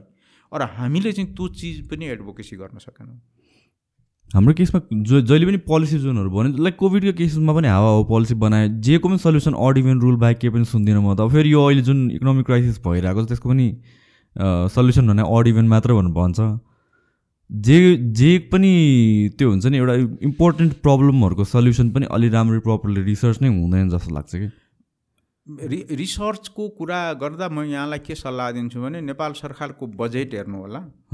त्यो बजेटमा काहीँ कतै कुनै अंश पनि अनुसन्धानका लागि भनेर छुट्याएकै हुँदैन। काहीँ कतै कुनै पनि। र विश्वविद्यालयको बजेट हेर्नु होला यहाँले। अरूको त छोडै छोडिदिनुहोस्। नेपालमा भएका विश्वविद्यालयहरूको बजेटमा पनि अनुसन्धानका लागि भनेर बजेट भाग लगाएकै हुँदैन। त्यसैले अनुसन्धानलाई त यहाँ के गरियो भनेपछि बिल्कुल प्रायोरिटीमा राख्दै राखिएन। यसको महत्त्व छ भनेर ध्यानै दिइएन। त्यो हाम्रो गम्भीर त्रुटि भइरहेको छ। त्यसमा पनि हामीले प्रेसर बिल्डअप गर्न सकेनौँ। एडभोकेसी गर्न सकेनौँ। राजनीतिक वृत्तमा यो चिज यो अनुसन्धान नगरिकन गर्नु हुँदैन अनुसन्धानमा आधारित भएर गर्नुपर्छ भन्ने कुराहरूमा एकदम नै हामी चुकेको नै हो। मलाई एउटा कुरो याद याद हुन्छ। तपाईँको बेलामा त्यो थाहा थियो थिएन थाहा छैन। हाम्रो देशमा मलेरियाको समस्या थियो। त्यो मलेरिया भन्ने रोग हुन्छ नि मस्कुइटोले टोकेर आउने थियो। अनि त्यो मलेरियालाई इराडिकेसन गर्नलाई सरकारले कर्मचारीहरू नियुक्ति राखेको थियो गरेको थियो र त्यो मान्छे घर घरमा जान्थ्यो। प्रत्येक घरमा जान्थ्यो पन्ध्र दिनमा एकचोटि आएर कसैलाई ज्वरो आएको छ भनेर सोध्थ्यो त्यसले। अनि ज्वरो आएको रहेछ भने रगतको नमुना लिएर गएर टेस्ट गरेर यदि त्यो मस्कुइटोले टोकेर त्यो मलेरिया रहेछ भने उसले औषधि औषधि खुवाइदिन्थ्यो ल्याएर आफै उसलाई खानुहोस् है भनेर छोडेर हिँड्दैन थियो दिनै आएर खुवाउनु पर्थ्यो। भनेको यसरी घर घरमा पुगेर सेवा दिएको अनुभव यो राष्ट्रलाई छ। यो राष्ट्रलाई छ। तर कोभिडको बेलामा जिरो। है? सिम्पल सिम्पल थियो त। त्यही त मैले त्यही भनेको सिम्पल कुरा थियो होइन। यत्रो लाइन लगाएर पाँच सातवटा हस्पिटलमा मात्र भ्याक्सिन दिएर जुन हिसाबले यहाँ गरियो नि त simple simple thing. I think normal सिटिजनले पनि सोच्न सक्ने कुराहरू थियो कि? जुन चाहिँ पोलिसी लेभलमा जसले यो सबै कुराहरू निकाल्यो उनीहरूले गर्न सकेन कि? होइन अब अहिले यो हिजो अस्तिकै कुराहरू रिसेन्टली आइरहेको छ यो जुन हिसाबले इकोनोमिक क्राइसिस भइरहेछ र हाम्रो most of the money foreign डलर्सहरू चाहिँ पेट्रोलियममा जान्छ त्यसको यो होल इकोनोमिक क्राइसिसको सल्युसन भनेको अड इभन सुरु गर्ने भनेर भन्यो कि? अब आई डोन्ट नो अरू फ्याक्टर्सहरू स्टडी गरेछ कि छैन कि सिधै अब जेको पनि सल्युसन अड इभन नै हो कि। होइन त्यो तालले गर्न थाल्यो भने त। त्यो बिल्कुल काम लाग्ने सोल्युसन पनि होइन नि। त्यसले सर्वसाधारणलाई सुविधा पनि दिँदैन।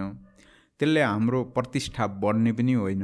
यो अघि तपाईँले भन्नुभयो चाहिँ राइट सोल्युसन के हो भनेर अध्ययन अनुसन्धान नगरेको। बिल्कुल नगरेको। त्यसैले अब सबै कुरामा हामीले दोष दिने त होइन। तर म अहिले म के कुरामा एकदम खुसी छु भने यहाँहरू जस्तो मान्छे अहिलेको जुन युवा पिँढी छ उनीहरू सचेत भएर प्रश्न उठाउन थालेको छ। यो बहुत ठुलो कुरो हो।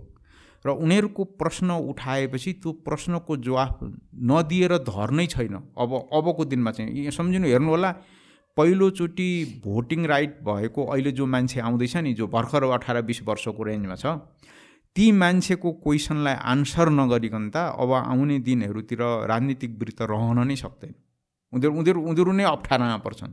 त्यसैले यङ जेनेरेसनले यस्ता कुराहरूमा चासो दिएर अनुसन्धानको महत्त्वलाई उजागर गरेर अनि साथी साथीहरूको बिचमा छलफल गरेर जुन विचार बाहिर निकालिराखेका छन् यो बहुत खुसीको कुरो हो। सबभन्दा खुसीको कुरो हाम्रो लागि मलाई त्यही हो जस्तो लाग्छ। र उनीहरूको त्यो सचेतनालाई हामीले कुनै तरिकाले यहाँ रोक्न सकेनौँ र उनीहरू विदेश गए भने अत्यन्त ठुलो दुर्भाग्यपूर्ण कुरा हो। त्यो त एभिडेन्ट नै छ त्यो त भइ नै रहेको छ। आई थिङ्क कोभिड पछि झन् त्यो बढ्यो कि? हो त्यो चाहिँ हाम्रो लागि दुर्भाग्यको कुरो छ र त्यसैले अब अब एउटै यसो हामीले विविध थुप्रै आयामहरूमा एउटै सिटिङमा सायद कन्क्लुजनमा पुग्न सक्दैनौँ। तर यी यस्ता विषयहरू छन् यसलाई हामीले अलिकति छलफल गरौँ अलिकति मनन गरौँ र यसमा चासो राखेर काम गर्ने र ज्ञान आर्जन गरिसकेका साथीहरूसँग सल्लाह लियौँ भनेदेखि मलाई लाग्छ त्यति भविष्य अन्धकार पनि होइन।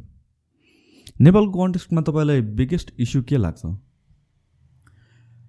नेपालको कन्टेक्स्टमा मेरो मेरो यदि मलाई सोच्नुहुन्छ भने राजनीतिक दलहरूले हाम्रो देशको शिक्षा नीति कस्तो हुनुपर्छ भनेर छलफल नगर्नु सबभन्दा विडम्बनायुक्त कुरो हो र मेरो विचारमा त्यही नै सबभन्दा ठुलो इस्यु हामीसँग राइट शिक्षा भइरहेको छैन।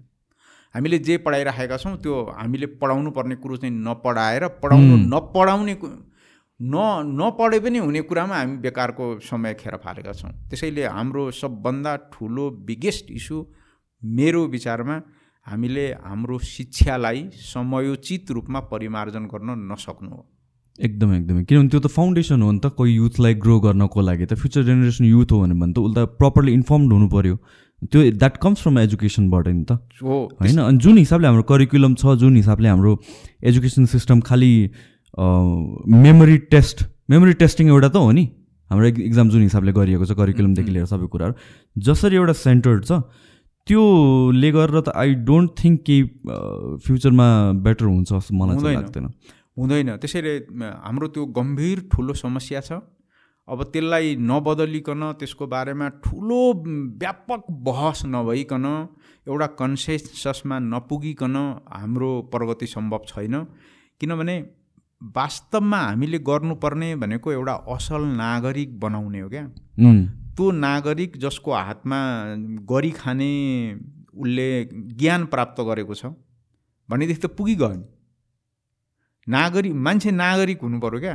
सबै दृष्टिकोणले आफ्नो कर्तव्य पनि उसलाई बोध छ आफ्नो राष्ट्रप्रतिको कर्तव्य के हो पनि ऊ जान्दछ र आफ्नो जीविकोपार्जनको लागि पनि ऊ सचेत छ आफ्नो देशमा भएका परापूर्वकालदेखिका चाडपर्व रीतिरिवाजहरूको निरन्तरा निरन्तरताप्रति ऊ एकदम कन्भिन्स छ।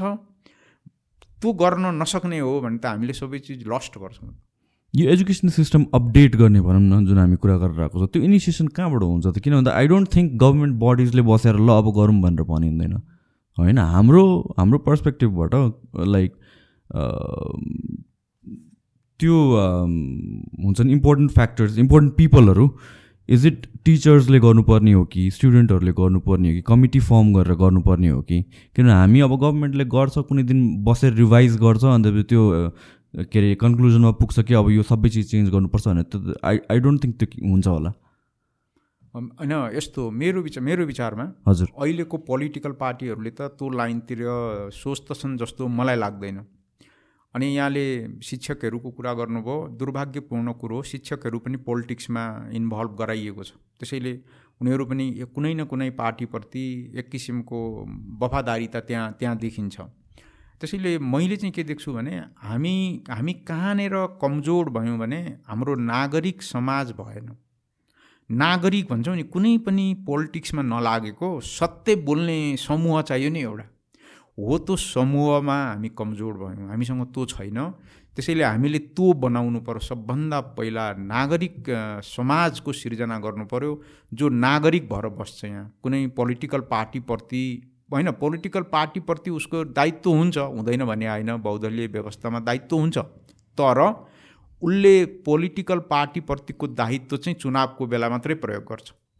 अरू बेला चाहिँ उसले नितान्त आफ्नो ज्ञान प्रयोग गरेर निर्णय गर्छ। स सेतालाई सेतै भन्छ कालालाई कालै भन्छ। हो त्यो त्यो करेज भएको समूह भनेको अब सा यो हामीसँग हुँदै भएन क्या। हो त्यो चिज हामीले जबसम्म बनाउँदैनौँ मेरो विचारमा यो एजुकेसन रिफर्म गर्ने एजेन्डाले पनि सार्थकता रूप लिँदैन। So the big question is त्यो हुन्छ कसरी त? कहाँबाट सुरु हुन्छ? अब त्यो हुनलाई चाहिँ मलाई मलाई यसो अलिकति यो फेरि मेरो विधाभन्दा धेरै बाहिरको कुरा गयो होइन। यो राजनीतिक उथल पुथलमा अथवा सामाजिक उथल पुथलमा एउटा निश्चित समय आएपछि उथल पुथल हुन्छ। अब त्यो उथल पुथल त्यो असन्तुष्टि जसरी अहिले यहाँले हो शिक्षामा अप्ठ्यारो छ म सन्तुष्ट छैन भनेर यहाँले एक्सप्रेसन गर्नुभयो मैले पनि भने। र तपाईँ हाम्रो जस्तो समूह बढ्दै बढ्दै गयो भनेदेखि त एउटा बिन्दुमा गएर त्यसले एजेन्डाको रूप त ल्याइ लिइहाल्छ। हामीले हामीले यसलाई प्रोपोगेट नै गरिराखेका छैनौँ क्या। कसैले न कसैले शिक्षालाई केन्द्रमा राखेर प्रोपोगेट गर्नुपर्ने हो। जस्तो उदाहरणको लागि अस्ति एमसिसीको बारेमा धेरै मिडियाहरूले पनि कुरा गरे पत्र पत्रिकाले कुरा गरे पार्लियामेन्टमै भयानकसँग छलफल भयो। तर यत्रो नागरिक बनाउने शिक्षाको बारेमा किन कसैले पनि कुरा गरेन? हाम्रो हाम्रो एजुकेसन सिस्टमले हामीलाई अबको आउने दिनहरू जुन चुनौतीपूर्ण छन् हाम्रो दक्षिणको देश पनि र उत्तरको देश पनि आर्थिक दृष्टिकोणले अत्यन्त ठुला र शक्तिशाली भएर गइरहेका छन्। त्यस्ता दुईवटा देशहरूको बिचमा बसेर शान्तिपूर्ण जीवनयापन गर्नलाई यो सिस्टमले सहयोग गर्ला त भन्ने प्रश्न हो। यो छलफल नगरिकन कोही एकजनाको भरमा यो यसको सवालको जवाफ आउँदैन। यो त निकै मान्छेहरूसँग चिन्तन मनन गरेर अनि मात्रै अगाडि बढाउनु पर्ने हुन्छ। र अघि नै भने गएँ जस्तो केही अभियन्ताहरू चार पाँचजना जसले एजुकेसनको बारेमा चासो राख्नुहुन्छ कम्तीमा उहाँहरू त कन्सेन्सस हुनु पऱ्यो नि। फेरि प्रत्येकको आफ्नो आफ्नै धारणा भयो भने कन्सेन्सस हुँदैन नि त। हो त्यो कन्सेन्सस बनाएको ग्रुपले अनि प्रोपगेट गर्न थाल्यो र पोलिटिकल वृत्तमा पनि यसको रिपल्स गयो भने यसले एजेन्डाको रूप लिन सक्छ पक्कै न नलिने भन्ने कुराहरू छैन। तर हामीले त्यो कुरो गरेकै छैनौँ। सबभन्दा ठुलो त्यो कुरो किन गरेनौँ भन्ने पनि एउटा इन्ट्रेस्टिङ पाटो लाग्छ। त्यसमध्ये एउटा इन्ट्रेस्टिङ पाटो मलाई के लाग्छ भनेदेखि यो के के हुँदो रहेछ भने यस्तो ठुलो ठुलो मुभमेन्ट गरेर एउटा एचिभमेन्टमा पुर्याउनका लागि लिडरसिप लिनका लागि त्यो मान्छेसँग धेरै चिज हुनुपर्छ करेज हुनुपर्छ ज्ञान हुनुपर्छ अनि सम्झौता गर्न सक्ने क्षमता हुनुपर्छ यी धेरै चिजहरूले त्यो मान्छे बन्दो रहेछ। हाम्रो यहाँ मैले के देखेँ भने बाह्र क्लास कम्प्लिट गरिसकेपछि त्यो मेधावी दर्जाको विद्यार्थी छ नि ऊ विदेश जान्छ। अनि बाँकी रहेको मान्छेहरू यहाँ बाह्र क्लासदेखि सोह्र क्लाससम्म स्नातक पढ्छन् नि। त्यो सोह्र क्लास कम्प्लिट गरेर त्यहाँको मेधावी पनि फेरि ऊ पनि विदेश जान्छ। अनि बाँकी रहेको त्यो मास्टर्स गरेको मान्छे हुन्छ नि त्यतिन्जेलमा ऊ पनि धेरै मेधावी भइसकेको हुन्छ। अनुभवका कारणले उमेरका कारणले अहिले संसार बदलिराखेको कुराहरू बुझिराखेको हुनाले उसमा पनि धेरै ज्ञान आइसकेपछि यो राज्यले उसलाई पनि प्रयोग गर्न सक्दैन अनि ऊ पनि हिँड्छ। अनि यहाँ हामी जो रहिराखेका हुन्छौँ नि यहाँ ती साथीहरू यहाँ बसेको भएदेखि सम्भवतः लिडिङ रोल खेल्न सक्थे धेरै उपलब्धि उपलब्ध उपलब्धि हुन सक्थ्यो होला धेरै कुराहरूमा। तर उहाँहरू यहाँ नबसेको हुनाले एउटा ठुलो फोर्स नै हामीले गुमायौँ जस्तो लाग्छ मलाई। मेरो यो अनुसन्धान गरेर पत्ता लागेको कुरो होइन तर मेरो कमन सेन्सले भनेको कुरा हो। त्यही नै हो। भइरहनु त्यही नै हो। बोल्न सक्ने मान्छे थाहा भएको मान्छेहरू छैन धेरैजना। सबै युथ फोर्सहरू सबैजना बाहिरै छ भनेर भनेपछि त यो सबै इनिसिएट गर्ने कसले भन्ने कुरा हो। The best we can do is talk about it hopeful hoping कि लाइक हुन्छ नि कसैले सुन्छ अनि यो कन्भर्सेसन भइरहेको छ भनेर। होइन सो आई थिङ्क यो कन्भर्सेसन हुनु नै एकदमै एउटा पावरफुल टुल हो होइन? सब सकेसम्म पोजिटिभ हुनुपर्छ जे पनि कुरामा वर्ल्ड भ्यू पोजिटिभ हुनुपर्छ तर चित्त नबुझेको कुरा भोइस आउट पनि गर्नलाई चाहिँ एकदम जरुरी छ। किनभने त्यो नभएसम्म त्यो conversation carry up carry on हुँदै जान्दैन कि। And conversations are very power powerful and hopefully यही कन्भर्सेसन्सहरू रिभल्भ भइ भइ गयो भने चाहिँ इट माइट ब्रिङ चेन्जेस हो त्यही त त्यसैले सुरुवात हो सुशान्तजी यो सुरुवात भएको छ। मा यसरी तपाईँ र म भेला भयौँ हामीले यो कुरालाई महसुस गऱ्यौँ। सायद अरूले पनि महसुस गरेको छ खोजेको लिडरसिप मात्रै हो। यी सबै कुरालाई ट्याक्क केन्द्रमा राखेर कोही लिडरसिप हामीले विकास गर्न सक्यौँ भने यो चिज हुन्छ हाम्रो लिडरसिपको ल्याकिङ भएको। जो एक्जिस्टिङ लिडरसिपमा हुनुहुन्छ उहाँहरू उहाँहरू हामीसँग एट्याचमा हुनुहुन्न। समस्या त्यस्तो भएको। त्यसैले यो चिजलाई एट्याचमा लिएर आउने जिम्मा इन अ वे तपाईँ हामी जस्तै मान्छेको दायित्वभित्र पनि पर्छ। त्यसैले let's work together in the days to come okay thank you so much तपाईँले यत्रो टाइम दिनुभयो। है इट वाज भेरी फ्रुटफुल म मेरो आफ्नै पर्सनल इन्ट्रेस्ट भएको सब्जेक्ट पनि भएकोले। लास्टमा केही भनिदिनु छ भने प्लिज मैले त यति मात्रै भन्ने हो। भुइँचालो आयो भने अब डराउनुहुन्छ कि डराउनु टेबल त लुक्नु पऱ्यो नि त होइन? त्यो त त्यो त लुक्ने हो र फाइनल्ली यहाँलाई यहाँलाई चाहिँ हजुर। हामी टेबल मुनि बसिराखेका छौँ। मानिलिउँ तपाईँसँग सानो भाइ पनि छ दस बाह्र वर्षको। अनि अघि मैले भने चाहिँ भुइँचालोको शक्ति बढ्दै जाँदा अब झ्याल उछिट्टिएर आउँदाखेरि टेबल पनि भाँचियो। अनि भाइलाई अथवा तपाईँलाई चोट लागेर दुख्यो अथवा रगतै बग्यो भने पनि सम्झाउनु पऱ्यो यहाँले क्या। पिर नगर यो ठुलो भुइँचालो भोग्न हामीलाई भगवान्ले आशीर्वाद दिएको रसमा र मात्रै यो हेर्न पायौँ। कति मान्छेले त यो हेर्न नै पाउँदैनन्। हामी बाँच्छौँ र हामी कसरी त्यो भुइँचालो आएको बेला पनि टेबल मुनि बसेर जीवन बचाएका थियौँ भनेर हामीले यो मेसेज दिनुपर्छ। हामी हिरो हुन्छौँ भनेर उसलाई त कन्भिन्स गरेर राख्नु पऱ्यो नि त। त्यसपछि भुइँचालो पनि सकिन्छ। निक्लेर आएपछि त ऊ साँच्चै हिरो भएर आउँछ। आउँछ कि आउँदैन? This is the only way अगाडि बढ पछाडि फर्कने त प्रश्नै छैन। अगाडि बढ्ने प्रश्नको कुरा हो। र गर्ने किनभने समस्या विज्ञान र प्रविधिलाई प्रयोग गर्ने हो। त्यसैले भुइँचालोको बारेमा पहिरोको बारेमा अथवा अरू जति पनि विपदहरूका कुराहरू छन् नि यो बारेमा हाम्रो सचेतना भयो र हामीले राजनीतिक वृत्तलाई सम्झाउन सक्यौँ भने हामीले चिन्ता लिनु पर्दैन। हामी वान अफ द बेस्ट कन्ट्रीका सिटिजन हुन्छौँ दस वर्षभित्रै हुन्छौँ। ठुलो कुरो नै होइन। तर हामीले यो कुरो गर्न नसकेर यस्तो भएको। त्यसैले अल द बेस्ट हामीले सुरुवात गऱ्यौँ। अब आउने दिनहरूमा यसलाई अझ अगाडि बढाउँदै गएर एउटा एउटा बिन्दुमा हामी छैन भूकम्प आए पनि बालबालिका पनि डराउँदैनन् वृद्ध बुवा आमाहरू पनि डराउनुहुन्न हामी पनि डराउँदैनौँ हाम्रा घरहरू भूकम्प प्रतिरोधक छन् हाम्रो इन्जिनियर साथीहरूले हामीलाई सहयोग गर्नुभएको छ भनेर गौरव गरौँला। धेरै धेरै धन्यवाद यहाँ thank you so much thank you